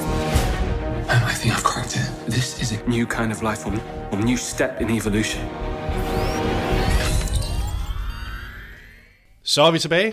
Det var et lydklip fra traileren til Chappie, den seneste film af Neil Blomkamp, øh, som også har lavet, øh, som havde debut med Dis- District 9 for øh, en del år tilbage, og har så sidenhen lavet Elysium, og nu den her Chappie-film. Det er også ham, der har skrevet den, sammen med hans kone, øh, Terry Tatchell, hvis jeg øh, tror jeg nok. Det er i hvert fald blevet bildet ind. Det hedder hun nu. Det kan også være, at jeg tager fejl. Nu, nu, ja. Øh, film, det, øh, film, det handler om... Øh, det foregår i Sydafrika, hvor at øh, Dev Patel, som man kender fra Slumdog Millionaire eller The, The Newsroom, han er øh, sådan videnskabsmand eller programmør, og laver så den her øh, robotserie, der hedder Chappies, som er sådan nogle politirobotter. Og hun, han arbejder så for det her firma, der har solgt det til politiet i den her øh, by i Sydafrika. Er det Johannesburg? Ja. Ja. Og, øh, og de her robotter, de er øh, altså programmeret til at gå rundt og hjælpe politiet i at løse kriminalitet. Og øh, Dev Patel, som den her unge programmør, han har hele tiden den her mission om at, ligesom at forbedre den her AI, virkelig lave en rigtig autonom øh, Chappie-robot. Derudover så har vi øh, Hugh Jackman som en øh, anden programmør og tidligere soldat, tror jeg nok. Han, er vel, øh, ja, han laver våben. Han er i hvert fald meget glad for våben. Ja, Tidligere elitesoldat, nu våben, øh, pro, robot, pro, programmør, sådan noget, ja. Ja, og han er øh, knap så begejstret for, øh, for de her Chappies serie af robotter, og ved at lave sin egen øh, Robocop-lignende dims. Han er imod, at de har en grad af selvbestemmelse. Ja, så hans den er sådan en, hvor man tager nogle briller på og styrer den selv med noget joystick og sådan noget. Whatever. Øh, så har vi, øh, så det der sker i filmen, det er øh, ikke spoiler, fordi det sker i traileren, så er det ikke spoiler. Men at den her øh, Chappie-robot, han, den får en øh, AI, og kommer så ud til nogle øh, punk-kriminelle Gangster. gangster, yes, som ligesom opdrager den her robot til at løse kriminalitet for dem. Ja. Det er den i hvert fald hjælpe ham. Ja. Det er vel det, filmen handler om. Er noget, jeg glemt? Og jo, og de to øh, kriminelle er spillet af... Ninja! og Yolandi fra Diandvort. Og, som, og det, er det, de, det er det, de hedder. Det er det, de hedder. Og det, Ninja og Yolandi. Ja, ja, og det, og det er også det, de hedder. hedder. og der bliver spillet rigtig meget Diandvort musik. Yes. Og den måde, vi kører trailers på, det er, at vi øh, snakker om, hvad vi synes om filmen, uden at komme ind på spoilers. Giver den en karakter fra 1 til 5. Den her gang husker vi karakter. og så øh, ryger vi ind i øh, spoilersektionen, efter vi har afsluttet podcasten. Yes. Glimrende. Jamen, øh, Hans, som vores gæst og Neil Blomkamp ekspert, så, Næppe, så, næppe. så synes jeg, at du skal lægge ud, hvad du synes om øh, Chappie, og måske ved dine forventninger lidt. Jeg havde rigtig store forventninger. Jeg kunne virkelig godt lide District 9. Ja. Og øh, som en af de, eneste i den vestlige verden, kunne jeg også virkelig godt lide øh, Elysium. Det må man ikke sige højt, men det kunne jeg. Den var underholdende, fandt jeg. Ja. Og øhm, jeg havde store forventninger. Jeg kan godt lide robotfilm. Jeg har været god, ja, som jeg snakkede om, gode erfaringer med Blomkamp. Jeg gik ind og se den, øh, var inde og se den, øhm, ja, blandt andet med, øh, med Troels, uden vi snakkede om den. Ja. Og øh, jeg var sådan helt op at køre før. Jeg ved ikke, om det kunne ses, men jeg var meget spændt på at se filmen. Nej, du virker glad. Ja, jeg blev lidt skuffet. Ja. Øhm, men det, tager nok længere tid for mig at forklare, hvad jeg egentlig... For jeg synes, nogen del af filmen virkede rigtig godt. Ja. Øhm, og det er måske et tema, vi kommer ind på, og nu vil jeg sige den som det første. Den film ville alt for meget. Yes. Og vi kan måske komme ind på detaljer senere, hvad den ville for meget. Er enig i spoiler. Ja. En, ja. Øhm, men jeg synes, det var en... Øh, jeg synes faktisk, det var en, øh, det var en god film, men det var ikke en rigtig god film, og det var ikke en, som jeg nødvendigvis vil anbefale andre at gå ind og se. Sådan har, sådan har jeg lidt med den. Hvad med, øh, når den så efter den har turneret på biografer, og man kan se den derhjemme? Det skal man helt klart. Så skal man se den. Det skal man, for det er en interessant film, og det er en, inter- den har nogle interessante tanker omkring øh, intelligente maskiner. Ja. Den har desværre også en masse tanker omkring alt muligt andet, men det kan vi igen komme ind på senere. Yes. Mm. Troels? Du havde også glædet dig. Ja, det havde jeg, men jeg var meget glad for District 9. Vi synes virkelig, at det var det år, jeg kan ikke lige huske, hvornår det var 2009 den kom, altså jeg synes, det var uden tvivl en af de fem bedste film det år. Øh, jeg var meget, meget glad for den. Jeg var ikke så glad for Elysium, for at sige det lige ud. Øhm, og det, og jeg, men jeg synes også, fordi at, og så kommer Chappie, og jeg så frem til Chappie, men jeg var også med sådan en lille sådan, uff, kan klare det. Men det, der gjorde mig, satte mine forventninger op, det var, at det virkede som om, at nu er han tilbage i, i øh, Sydafrika, og det handler om det, som egentlig gjorde District 9 så god, om at det var det her med, at, øh, at der blev brugt et sci-fi-univers til at tale om nogle, egentlig nogle Sydafrika-problemer, og sætte det lidt på spidsen, og det synes jeg egentlig var meget fedt, og det virker sådan, og det, det glæder jeg mig til. Og det synes jeg nogenlunde, han forløste, øh, egentlig Neil Blomkamp her. Det jeg slet ikke kunne lide ved den her film, det var alt dialogen. Fuck, hvor var det irriterende. Hver gang de begyndte at knævre, der havde jeg bare lyst til at sige sådan lidt, altså, for at sige lige ud, jeg, han er ikke øh, George Lucas, Neil Blomkamp, men han lider lidt af det samme problem i, at han laver ret fede universer, Mm. Ja. men han skulle godt nok ikke skrive hans egne manuskripter. Nej. Han skulle bare sætte sig ned og sige, jeg vil have det her univers, det skal være sådan og sådan her. Lave de der overordnede strategier for, hvad der er den fede historie, og så sætte nogle andre til at lave det. Og, og så skulle han måske bare være visual effects mand, og så skulle han ikke selv instruere det. Han skulle sidde, sidde som producer og lave de fede ting, og så skulle han lidt holde sig væk fra det, fordi der er nok nogle andre, nogen, der bedre får løst det. Skær ind til benet, sørg for at uh, less is more, og kill your darlings. Det er ikke sagt, at det er en dårlig, dårlig film. Det synes jeg ikke, men øh, jeg nok, kvækker nok lidt det samme som dig, Hans, at det er måske ikke en film, jeg anbefaler folk, men jeg synes bestemt, man skal se den. Øh, jamen, jeg havde jo egentlig... Jamen, jeg var jo egentlig sådan rimelig neutral, da jeg skal ind og se den her, fordi... Øh, jeg var meget begejstret for District 9, det kan jeg kun være enig i. Det er en fabelagtig film, man bør se. Og en film med Charles Copley, hvor det ikke er forfærdeligt. Øh, og Elysium, jeg kunne, jeg kunne lide dele af Elysium, og det jeg godt kunne lide, det var, at det var øh, tydeligt, at det var det, som Halo-filmen skulle have været. Fordi alt sættet er Halo i Elysium. 100%. Ja, det er, ja, det er det faktisk. Så, så, så for mig fik jeg sådan lidt den Halo-film, jeg aldrig fik, og jeg er ret stor fan af computerspillet Halo. Så, så den del af Elysium øh, kunne jeg egentlig øh, godt lide. Mm. Og, og man må give Neil Blomkamp det, han også kan, det er, at han, han er glad for at arbejde sammen med Weta øh, Effekt øh, Mm. firmaet, og virkelig kan få nogle vilde effekter frem i, i filmene. Så den del havde jeg set lidt frem til Chappie, at jeg forventede det. Og det fik jeg også, fordi Chappie er flot Rigtig realiseret. Flot. Altså, du kan godt se, at... Øh, ja, nu kommer jeg til... Åh, jeg synes, det er så svært der, fordi at jeg kunne nok øh, rant rimelig længe om Chappie, fordi jeg synes, filmen var virkelig dum. Sådan, altså... Og, og, og, øh, og der, jeg har en lang bullet point list med alt det, jeg synes, der var dumt og fejlfyldt og irriterende og øh, det sidder kvalmende til tider. Altså, jeg synes virkelig, der var mange tokrummende ting i den her film. Og jeg synes jeg var synd, fordi sådan overordnet, hvis man bare skulle lave den der øh, 30 sekunders pitch, så synes jeg jo egentlig, pitchen er ganske fin. Øh, men jeg synes bare ikke, at den blev, den blev bare ikke realiseret særlig godt. Mit største problem med den, det er dens forhold til realisme. Øh, fordi den starter med, at du har en rigtig CNN-newscaster. Jeg glemmer, hvad han hedder. Anderson Cooper. Ja, lige præcis. Og det foregår i den her meget, lidt ligesom District 9, den her dokumentarstil helt til at starte med. Ja. Som de for øvrigt ikke bruger i resten af filmen. Det er virkelig kun i starten, og så er det bare kastet væk i skraldespanden, den idé. Øh, men at de sætter det her meget, meget realistiske præmis op i en eller anden forstand ved at bruge den rigtige newscaster. Ja. Men alligevel så har du en mystisk øh, firma, som laver de her våben, robotter. Du har en øh, programmør, som pludselig skal lave noget, der hedder 97% AI, og så tager han et par Red Bulls, og så tager han de sidste 3% AI, han lige får lavet. Det giver ingen mening rent teknisk. Altså det er dumt, med meget stort dumt på. Men er det ikke fordi, du er programmør, du... Øh... Nej, det er vidderligt det samme som i Die Hard 4, hvor de siger, at de vil hacke alle IP-adresser i verden. Det er sådan nogle sætninger, der bare ikke giver mening. Og at man er en god hacker, jo flere skærme man har. Lige præcis. Og det, det, jeg var helt enig, uden os nødvendigvis. Så er det ikke sådan noget med, at det var som om, det tog ham 10 minutter Ja. at komme de sidste. Det var som om, at jeg forresten siddet og arbejdet på det her 1000 år. Bum, der var den. Ja. Tada. Ja, altså, og, det, og det, det er fint nok, fordi nu kan man jo måske sammenligne den her film lidt med nummer 5 lever, eller Short Circuit, som den også hedder, hvor at man ligesom køber... Det er øh, hårdt.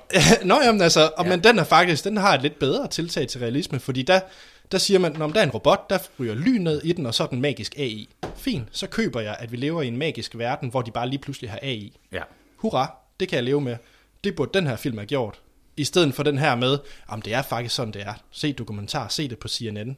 Det kunne være i morgen, det sker. Nej, fordi så skal blive nødt til at lave det bedre i forhold til, hvordan det skal sættes op, det her præmis. Og så den anden ting, så den her super sikkerhedsvåben halløj. Den der, der er Nu, sådan... nu, nu føler jeg, at vi kommer ind i... Uh, Jamen, okay, okay. Okay, det kan godt være, at vi kommer i spoiler. Men der er en dims, som er den vigtigste brik i hele landets sikkerhed, som er fanget ind i et orange bur med en lille bitte nøglelås til, lige siden af lagerdøren, hvor man kan gå ud.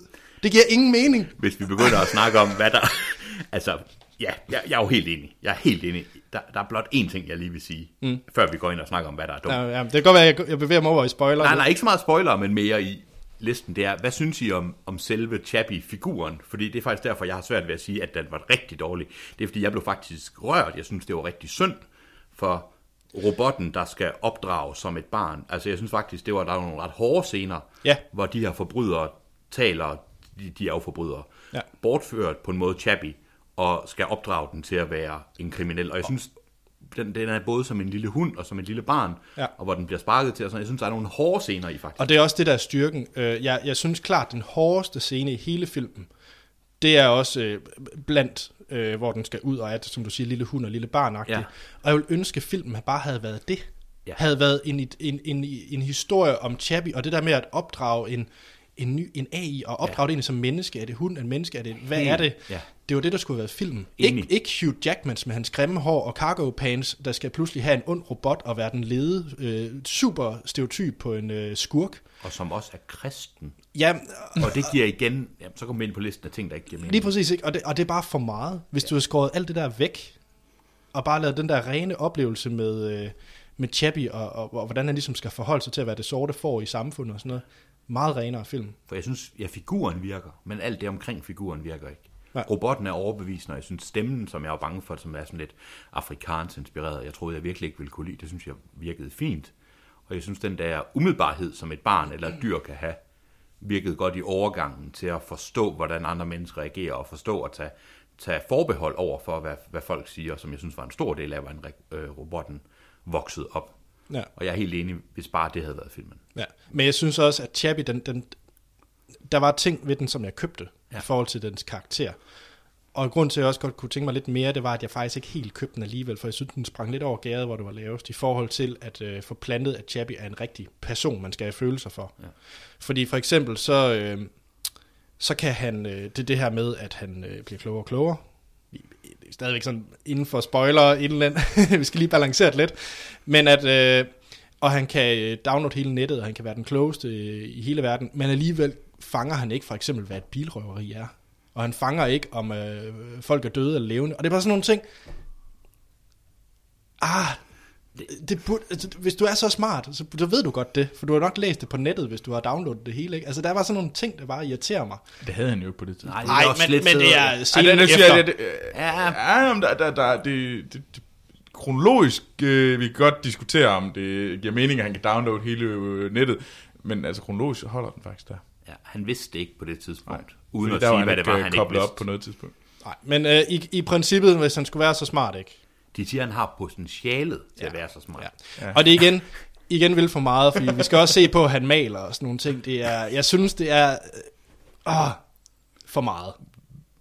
Og jeg kan kun ekko Troels med, at Neil Blomkamp ikke skal skrive manuskript, for det kan han ikke. Neil Blomkamp skal også være med at lave den samme film. Nu har han lavet den samme film tre gange. Ja. Ja. Og det er den samme film, og det skal han holde op med. ja. Og Alien 5 bliver den samme film, bare med øh, Ripley. Det håber Ja, forresten, Sigourney Weaver er jo chefen for det her våbenselskab. Ja. Jeg håber ikke, at Alien... Ja, nu, jeg blev lige pludselig... Jeg var så glad, og nu bliver jeg lidt nervøs. Og så den sidste ting, øh, jeg lige vil sige, inden vi går i spoilers, det er, at øh, de Antwoord... Øhm, Det, det har jeg også lige noget, jeg gerne vil sige noget til. jeg Ja, det har jeg også. synes i perioder, det fungerede rigtig godt. Jeg synes, det er underligt, at man bruger musikken også i filmen, når bandet selv er med. Sådan, det, det, det, det havde jeg det lidt mystisk med, at, at de hørte sig selv spille musik, imens de kørte bil. Det synes jeg er en lille smule mystisk. Øh, og jeg kan godt forstå, at øh, man skal have sådan noget... Musikken passer jo som en okay. Det giver bare ikke rigtig mening, når det er dem, der også er et eller andet sted hovedpersonerne i filmen. Øh, og så, og så øh, synes jeg ikke, at hende den øh, lille af dem kunne spille skuespil overhovedet. Det er hende, der hedder, hvad hun hedder. Jol- Jolandi! Jeg synes faktisk, han var okay ninja. Han var okay. Ninja. Men, men, men jeg synes faktisk, hun var ret træls at høre på, hende der, den bitte. Jeg tror, Troels skal køre først. Øh, Jeg har, jeg, har, jeg har virkelig jeg har store meninger. Troels, Øhm, du har faktisk set de andre. jeg, har Ja, set ja, de derfor. jeg har jo set de andre live i, øh, i London for, jamen, det er jo snart et øh, halvanden måned siden. Øhm, ja, og, jeg, øh, og det var rigtig fedt. Øh, jeg synes, at øh, det var, øh, jeg synes, at deres musik er relativt sej på deres egen fucked up måde. Jeg synes, at øh, i at bruge dem på den her måde, så blev det, og det ved, at Neil Blomkamp, han har nemlig instrueret mange af deres musikvideoer. De er nemlig venner. Det giver mening. Det giver så meget Ja. mening. og det her, det lugtede af at være en halvanden time lang, øh, hvad hedder det, musik, øh, musikteater. Ja. Ja, det Fordi at alle deres numre, alle deres store numre var med i den her. Ja. Og det var meget passet ind, meget sådan... Og det, det fungerede sgu egentlig meget godt, når musikken var der. Jeg havde ikke noget imod musikken, men jeg havde noget imod, at det var sådan lidt øh, musik, øh, hemmelig musikpromovering. Ja. Ja. Og det virkede irriterende på, på mig. Og jeg kunne også se, at alle de der karakter, alt det der graffiti, der var, det er jo deres univers. Er det Alt, Ej. Hele deres cave, er, er, er, er, hvad hedder det, de andre universet. Alle de der karakterer, de har der. Det hele er sat op som om, at det er øh, stylet ud af en musikvideo. Og de gik rundt i t-shirt fra deres egen bands. Ja, Det anede jeg ikke. Okay, nu... Uh, det er skidt. og jeg vil give jer fuldstændig ret, at hun kunne altså ikke øh, spille skuespil, hvis det, det, det kunne hun virkelig ikke. Nej, det lød Og det, var, det, var, og, det, og det blev ekstra slemt, fordi at jeg synes virkelig, at hun, hun blev heller ikke givet nogle gode øh, linjer. Så det var ikke sådan, at hun kunne spille særlig meget skuespil. Men for at få bare det der til at lyde nogenlunde ordentligt, skulle du kraftedeme med have haft en virkelig, virkelig stjerneskuespiller ind. Jeg følte på ingen tidspunkt, at hun var mor for Chappie. Nej, Jeg synes, hun, hun var fuldstændig en mærkelig, mærkelig karakter. Ja. Hvor jeg synes, øh, bevæggrunden, er som om, så er hun, så er hun hårdkogt forbryder. Så er hun sådan lidt sød. Så Ja. er hun lidt hård. Så er hun lidt... Altså, hun har overhovedet... Fuldt, der var ingen stringens i det. Mm. Nej. gå i gang med Rand. Jeg havde lyst til, da jeg først stødte på de to, og jeg må nok indrømme, jeg vidste godt, at de andre var med. Jeg vidste ikke faktisk, at det var de to, der spillede dem, før Troels fortalte mig det bagefter. Øh, fordi nu vil jeg sige, nu mener, nu, følger, nu følges filmen som sådan en salgskampagne for de andre, når det var mm. så meget af deres øh, univers, der var med. Jeg havde, da jeg mødte dem første gang i filmen, der havde jeg lyst til at slå dem begge to ihjel. Jeg håbede, de kom ud for en virkelig alvorlig Ja. ulykke rigtig, rigtig hurtigt. og jeg synes, Ninja, han irriterede mig grænseløst. Jeg vil sige, men det var nok måske mere hans karakter. Jeg synes igen, at der var ingen stringens i, hvordan han går fra at være hård og næsten ikke kan lide robotten, til godt at kunne lide robotten uden at spoile, og så videre, og så videre. Hun var måske egentlig meget sød som karakter, men var en elendig skuespiller. Og jeg synes faktisk heller ikke, han var fantastisk. Det var som om, de var sluppet fri fra, de var sluppet fri fra en Escape from New York-film, hvor de virkede sådan to postapokalyptiske punkere, der uden nogen grund holder til i det her Joe Burke. Joburg i udkanten, ude i en grøn mark. Altså, jeg synes ikke ude et lagerbygning. Og de har så et de skylder nogle penge til en eller anden, det er lidt lige meget, udover den person, som spiller Uber-bossen, er den mest ondsindede mand, jeg har set på film i lang tid. Åh oh, ja, det er rigtigt. Ham havde jeg. han var bare, Jeg synes, hans var hår, han var så, og, og hans måde, han snakkede på, det var så irriterende. Hvad var det, han hed? Ikke kænguru, hvad var det? Hippo. Hippo, tæt på. Han var, han hed Hippo. Ja. Han var stor og ondsindet, og igen ikke nogen, hvad ville han egentlig den her, altså, Han har for øvrigt også både været med i Elysium og District 9. Neil Blomkamp skal holde op med at lave den samme film igen, og så skal han finde rigtige skuespillere næste gang. Ja, alle de der øh, aftaler, han laver på den lokale pub i Sydafrika med folk, han lige skal... Åh, oh, du kan også være med i Du den skal næste også film. være med i min film. Det Hey. så jeg bare, at han skal sætte en pause ved. Hey Sigourney Weaver, jeg har lige lavet den her film, skal vi ikke lige lave Alien? Tjek, tjek. Ja. Altså, jeg synes, Jeg tror bare, han er god til at networke. Det er det, han er. Ja, det er det. Han er, han er god til at gå på, på knæene, og så ellers uh, brown nose frem. kunne I, mås- kunne I fortælle mig, om Hugh Jackman kunne blive enig med sig selv, hvilken accent det var, han brugte i den her at- film? Hugh Jackman. Det er den værste brug af Hugh Jackman nogensinde i en film. Ja. Jeg vil, hellere, jeg vil hellere se Australia fire gange i streg, end jeg vil se Hugh Jackman i den her film igen. Jeg har set for meget af Hugh Jackman i shorts, efter at have set den her. Og den dum frisyre, og så synes jeg... Super dum Jeg, jeg, synes, frisyr. jeg synes, er mig, men... At det, den der frisyre der, det, det, jeg tænker, det passede jo meget godt, fordi at, igen, nu kommer jeg til at være fordomsfuld for, for, for en hel sådan nation, men, ja. men er det ikke sådan meget passende for, for boer at have sådan lidt... Undskyld, undskyld.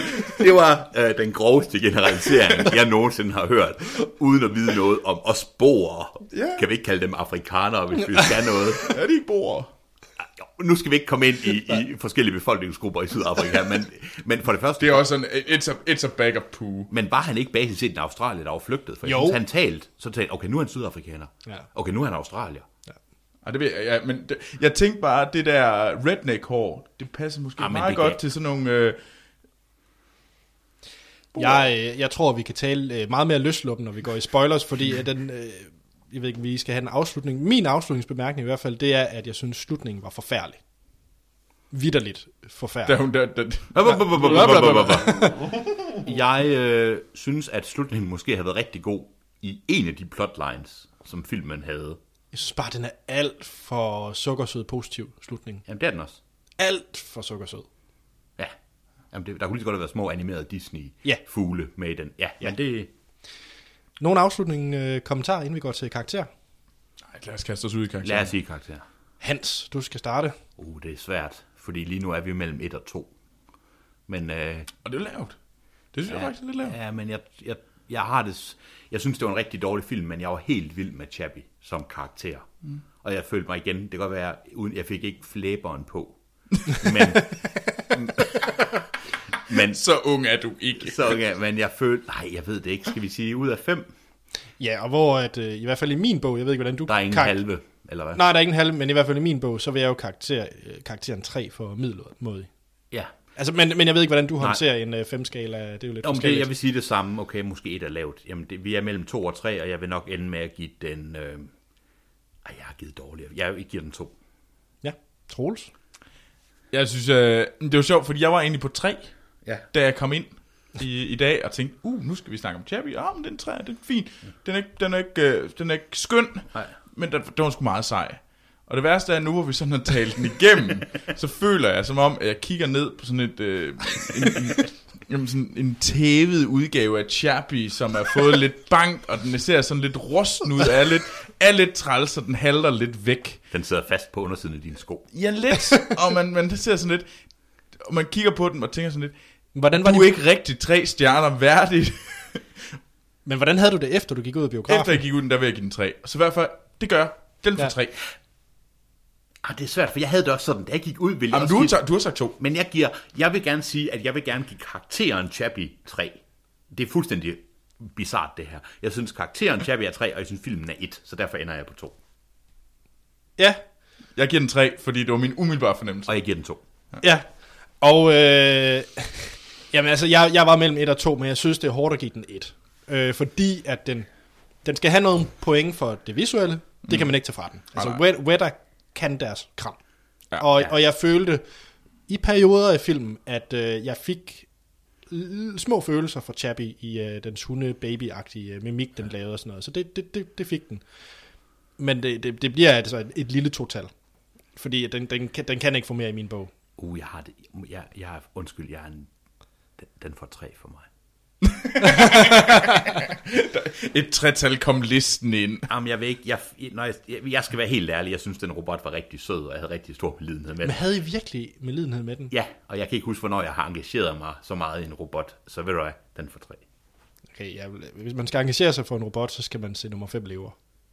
I stedet for den her. Ja, okay. Jamen, det, nej, tre. Det er, nu, det er også fordi, jeg vil ikke være på samme karakter som Anders, som ikke kunne lide Shabby lige så meget, som jeg kunne.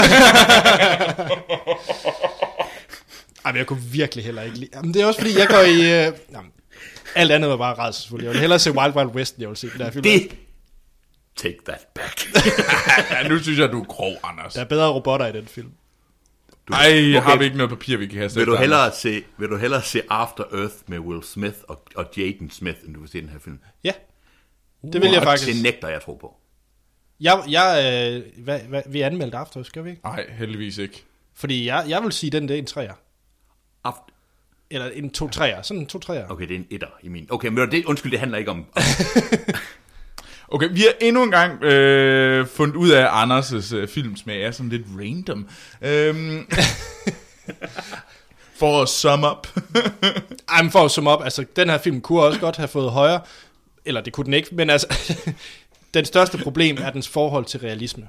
Det er det, jeg ubetinget hader ved den her film. Det er dens forsøg på at sige, at det her det er, det kan være sket i morgen, og det er sådan, det foregår i Sydafrika i morgen. Og det er det jo ikke, for den her, der, er, der er så mange dumme ting i den her film, og det, det, det, er, det er dumt som i sådan en rigtig 90'er actionfilm. det er De beslutninger, folk tager. Fordi karaktererne i den her film tager altid den dårligste beslutning. Ja, der er ingen øh, Der, logiske der er beslutninger. ingen nej. logiske beslutninger i den her film. Jeg vil sige, for mig der er det største problem i filmen, det er, at den ikke ved, hvad det er, den vil fortælle noget om. Nej. Der er ikke én historie. Hvis der var en historie, den handlede om en robot, som bliver opdraget fint, eller sådan mm. noget, men den, den, vil, den vil alt muligt, og vi kan komme ind på senere, som jeg har sagt før gange, den vil alt for meget. Den ved ikke, hvad det er for en historie, den vil fortælle. Og, og lige pludselig ændrer filmen sig til at fortælle en anden historie, end den startede med. Ja. Jeg tror, hvis vi har, øh, Ja, jeg tror også, vi Ja, er... nu, øh, vi har tævet koden øh, rigeligt, så skal vi ikke øh, gå til øh, gå og afslutte øh, podcasten. Nu har vi givet en karakter. Så øh, først og fremmest tak, fordi du var med, Hans. Tak for det, og tak fordi I lod mig ændre karakter. Det er okay. Det er okay. Øh, jeg er faktisk ikke klar over, hvornår vi ses igen. Nej, det kan være, altså, det ved jeg heller ikke. Det, Det- kan være, det- vi, det det ved vil du, ses Troels. ude i verden, men... Øh, og I, Jeg tror faktisk ikke helt, det er planlagt endnu. Øh, men hvis alt går galt, så kan du altid øh, komme ind og se Into the Woods. Det vil jeg meget gerne. Det kan også være, at jeg bare, så møder jeg bare op Det er jo med og venter Anna, på. Anna Kendrick. Men jeg ved faktisk ikke, hvad det Hende bliver. kan jeg godt lide. Ja, hende kan jeg også godt lide. Men jeg ved det faktisk ikke. Jeg tror faktisk også, jeg har lovet øh, Action Morten at komme ind og se Into the Woods. Altså, det er jo ikke som om verden eksploderer, hvis vi er... Nej, nej.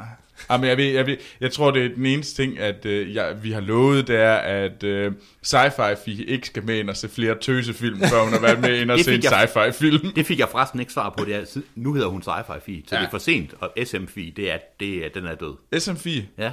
Jamen, altså... Jeg er stadigvæk på Felicity Smoke. Må jeg indrømme.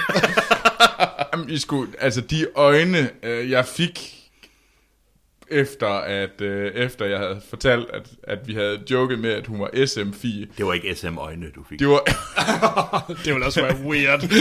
Især fordi det er min lille søster. Men jeg tror, der var sådan lidt den der... Øhm, åh, det kommer til at lyde forkert, men sådan lidt den der... Troels, jeg smadrer dig. Jamen, hun er i Norge nu, så hun, Ja, kan, det er ikke, hun kan ikke nå dig. Hun kan ikke nå mig. Men hendes kæreste kan selvfølgelig nå dig. Apropos øh, ja. hendes kæreste, fordi i næste uge, så er det Sort Sten og øh, Wild. Og øh, ja, så den glæder jeg mig til. Yes. Jeg håber på noget 127 timers lignende film. Jeg glæder mig til en gang hiver mænd og ser en god film. Vi skal gøre vores bedste. Der kommer snart Furious 7. Nå. Jeg skal lige sige, mens jeg siger det her, så sidder jeg i en The Room t-shirt, så måske skulle jeg... jeg, har, jeg har andre meninger, men ja. Yes. I kan skrive jeres øh, spørgsmål og kommentarer til podcasten generelt, eller til Film Wild, eller til Jabby. Og det kan I gøre inde på Facebook og Twitter, hvis mm. I søger på Filmsnak. I kan sende en e-mail på filmsnakpodcast.gmail.com. I kan op ind på vores hjemmeside hiddengems.dk. Jeg selv, Anders Holm, kan findes på Twitter og Letterboxd øh, under A.T. Holm og Troels. Jamen, øh, jeg kan også øh, findes på Twitter og Letterbox under navnet Troels Overgaard. Og Hans. Jeg er ikke på Twitter. Det er, det er en, øh, Twitter dør. Jeg Du findes, er jo over 40. Jeg er over 40. Øh, jeg kan findes på Letterboxd, og jeg skal faktisk nok prøve at ændre mit navn til Monster Hans. Ellers hedder jeg Hans Schmidt Nielsen, men jeg skal nok prøve at ændre det. Det er i orden. Så er der ikke andet at sige, end vi lyttes ved i næste episode.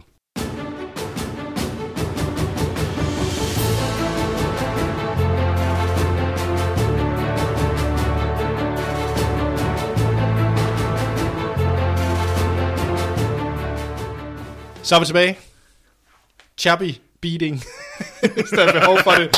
Oh yeah! Oh yeah, let's... Uh, Ej, jeg, jeg, jeg, jeg føler lidt, at øh, jeg har på en eller anden måde enten ignoreret vores øh, spoiler-stempel, eller jeg har i hvert fald fået en del af min galle ud allerede. Det kan ikke passe. Du sagde, du havde en lang liste. Jamen, det har jeg også. Den er, den er Fordi jeg, jeg kan godt nævne ting, der kan gøre mig sur. Jamen, så hit it. Udover Hugh Jackman. Okay. Jamen, plejer, plejer I at gennemgå plottet meget hurtigt? Men har vi ikke gjort lidt det? Jo, altså man kan sige, uh, Chappy, eller uh, Dev Vi, vi Patel, skal jo nok bare nævne, nævne, hvad der sker til sidst. Det er det sidste, der er det vigtige. ja, altså der bliver op, Chappy bliver, øh, bliver øh, lavet, og øh, hvad hedder det, Hugh Jackmans øh, karakter, Moose. Moose, han, Nej, nej, det han hedder ikke Moose. Robotten hedder Moose. robot, Hugh Jackmans robot hedder Muse. Moose. Muse. Helvede. jeg fortsætter bare gøre, ikke? ja du, du ignorerer, hvad jeg har sagt. Ja. Så Hugh Jackman, han, tager, øh, han stjæler den der øh, nøgle. Der er den her, den jeg forsøgte at forklare før, der er den her sikkerhedsnøgle, Lille USB. som er gemt i et lille orange bur, øh, lige ved udgangen til øh, fabrikken, som for øvrigt er den, der styrer alle de her AI'er. Det er den eneste, der kan ændre programmet på de her robotter. Ja. Så den tager han og propper i hans øh, mus, øh, og det ligner for øvrigt den der øh, onde robot fra Robocop. Altså, det er, det er Ed 209. Det Ja. er Ed 209's dumme storebror. Ja, Ja. Og, øh, og der sker det samme, som der sker med alle robotter, det er, at han tager en dum hjelm på, som noget øh, VR-briller, Ja. ja. hvor der for øvrigt skal være tre skærme foran ham, fordi det kan han jo selvfølgelig se, når han har sine briller på. Det giver ikke mening. Øh, den der robot skal så smadre Chappy. Chappy. Og det er den dummeste robot i verden, fordi der skal bare nogle øh, skud til, og så falder den fra hinanden. Jeg, jeg, jeg ved ikke med detaljerigdommen, det skal lige sige, de kidnapper Dev Patels karakter. Ja. Så han kan være med til at opdrage den, og så er der alt muligt gejl Ja. med, at, at så smider de ham ud og røverier Hugh Jackman. Altså, ja, basic Hugh Jackman har noget mod den her robot, åbenbart fordi han er kristen. Han bliver ved med at, at, at lige bede til Gud, og så kan han ikke lide robotter, der er selvtænkende, altså åbenbart. Mm. Og så ja, så Dev Patel henter nogle våben, bla bla bla bla, han bliver måske lidt gode venner med de her Det, forbryder, hvem ved, altså, og de har noget med, de skylder ham der, elefanten, hippo, giraffen, jeg ved ikke, hvad jeg kan ikke engang huske, hvad han hedder. Nej, Hippo. nogle penge. De skylder ham nogle penge, de skal lave et røveri, men det er fuldstændig ligegyldigt. Fuldstændig. Fuldstændig. Og slutningen. Skal vi tage den nu? Slutning. Ja, slutningen. Okay. Det hele slutter jo med, at Chappy øh, igennem den, øh, man ser den på film, den øh, har en lille batterimåler, fordi den er ved at løbe tør for strøm. Mm. Fordi af en eller anden grund, så lige præcis den robot, den er hoppet i, skal lades op, og det skal de andre ikke. Jo, jo, jo, jo. jo. Der kan Alle skifte- robotter har kun fire dages batteri, batterilevetid. Men, Og batteriet er fuset ind, så det kan ikke skiftes. men det er kun på Chappy's, den er fuset. Ja. Nej, nej, det er på alles. Nej, det er på, kun på Chappie, fordi Chappie blev skudt under, da den var en almindelig robot. Nå, Nå, det, nå Okay. okay. okay. og det, så så er vi ved allerede i begyndelsen, at det her bliver et issue. Altså det bliver sagt med sådan en kæmpe stor pil.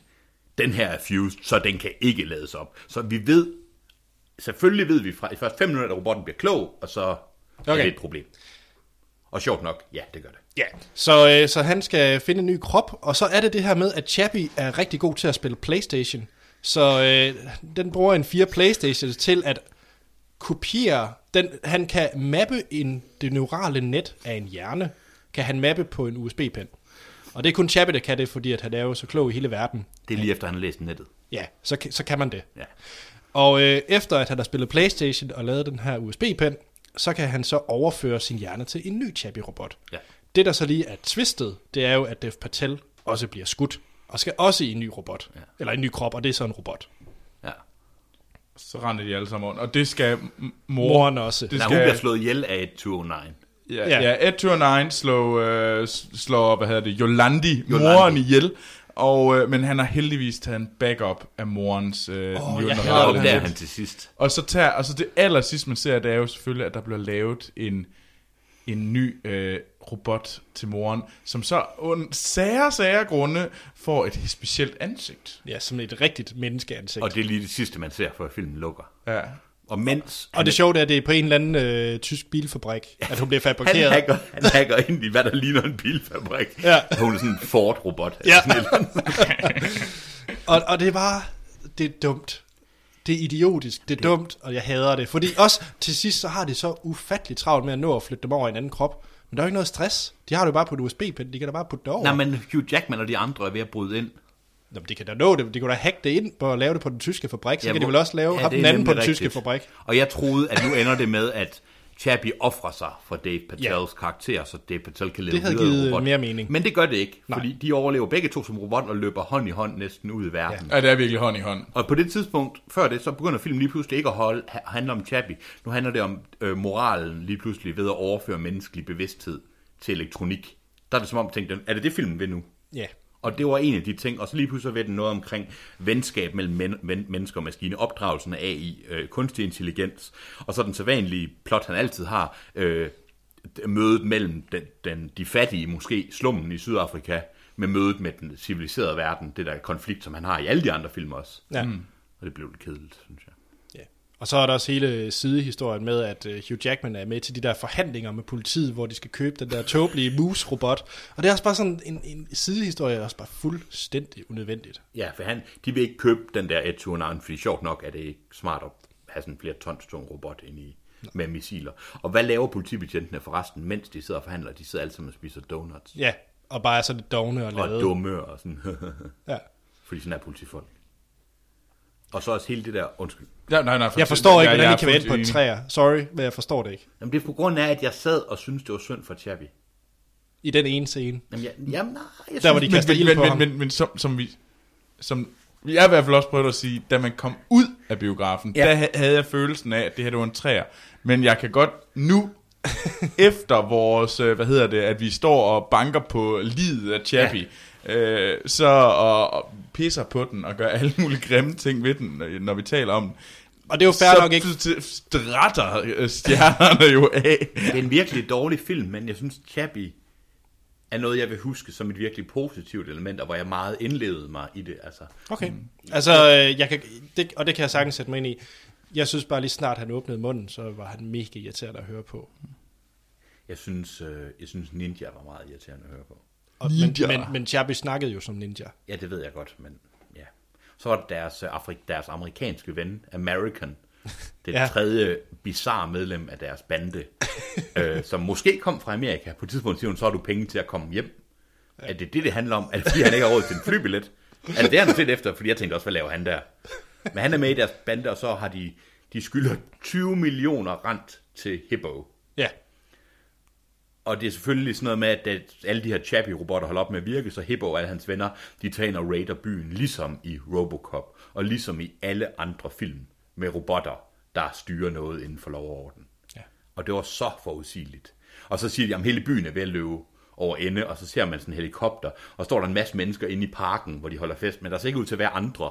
Nej. Så det er som om, de raider byen helt vildt, men kun lige inden for de her 100 gange 100 meter. Og hvad han hele tiden går og siger? I want it all! I want it all! I want it all! I want it all!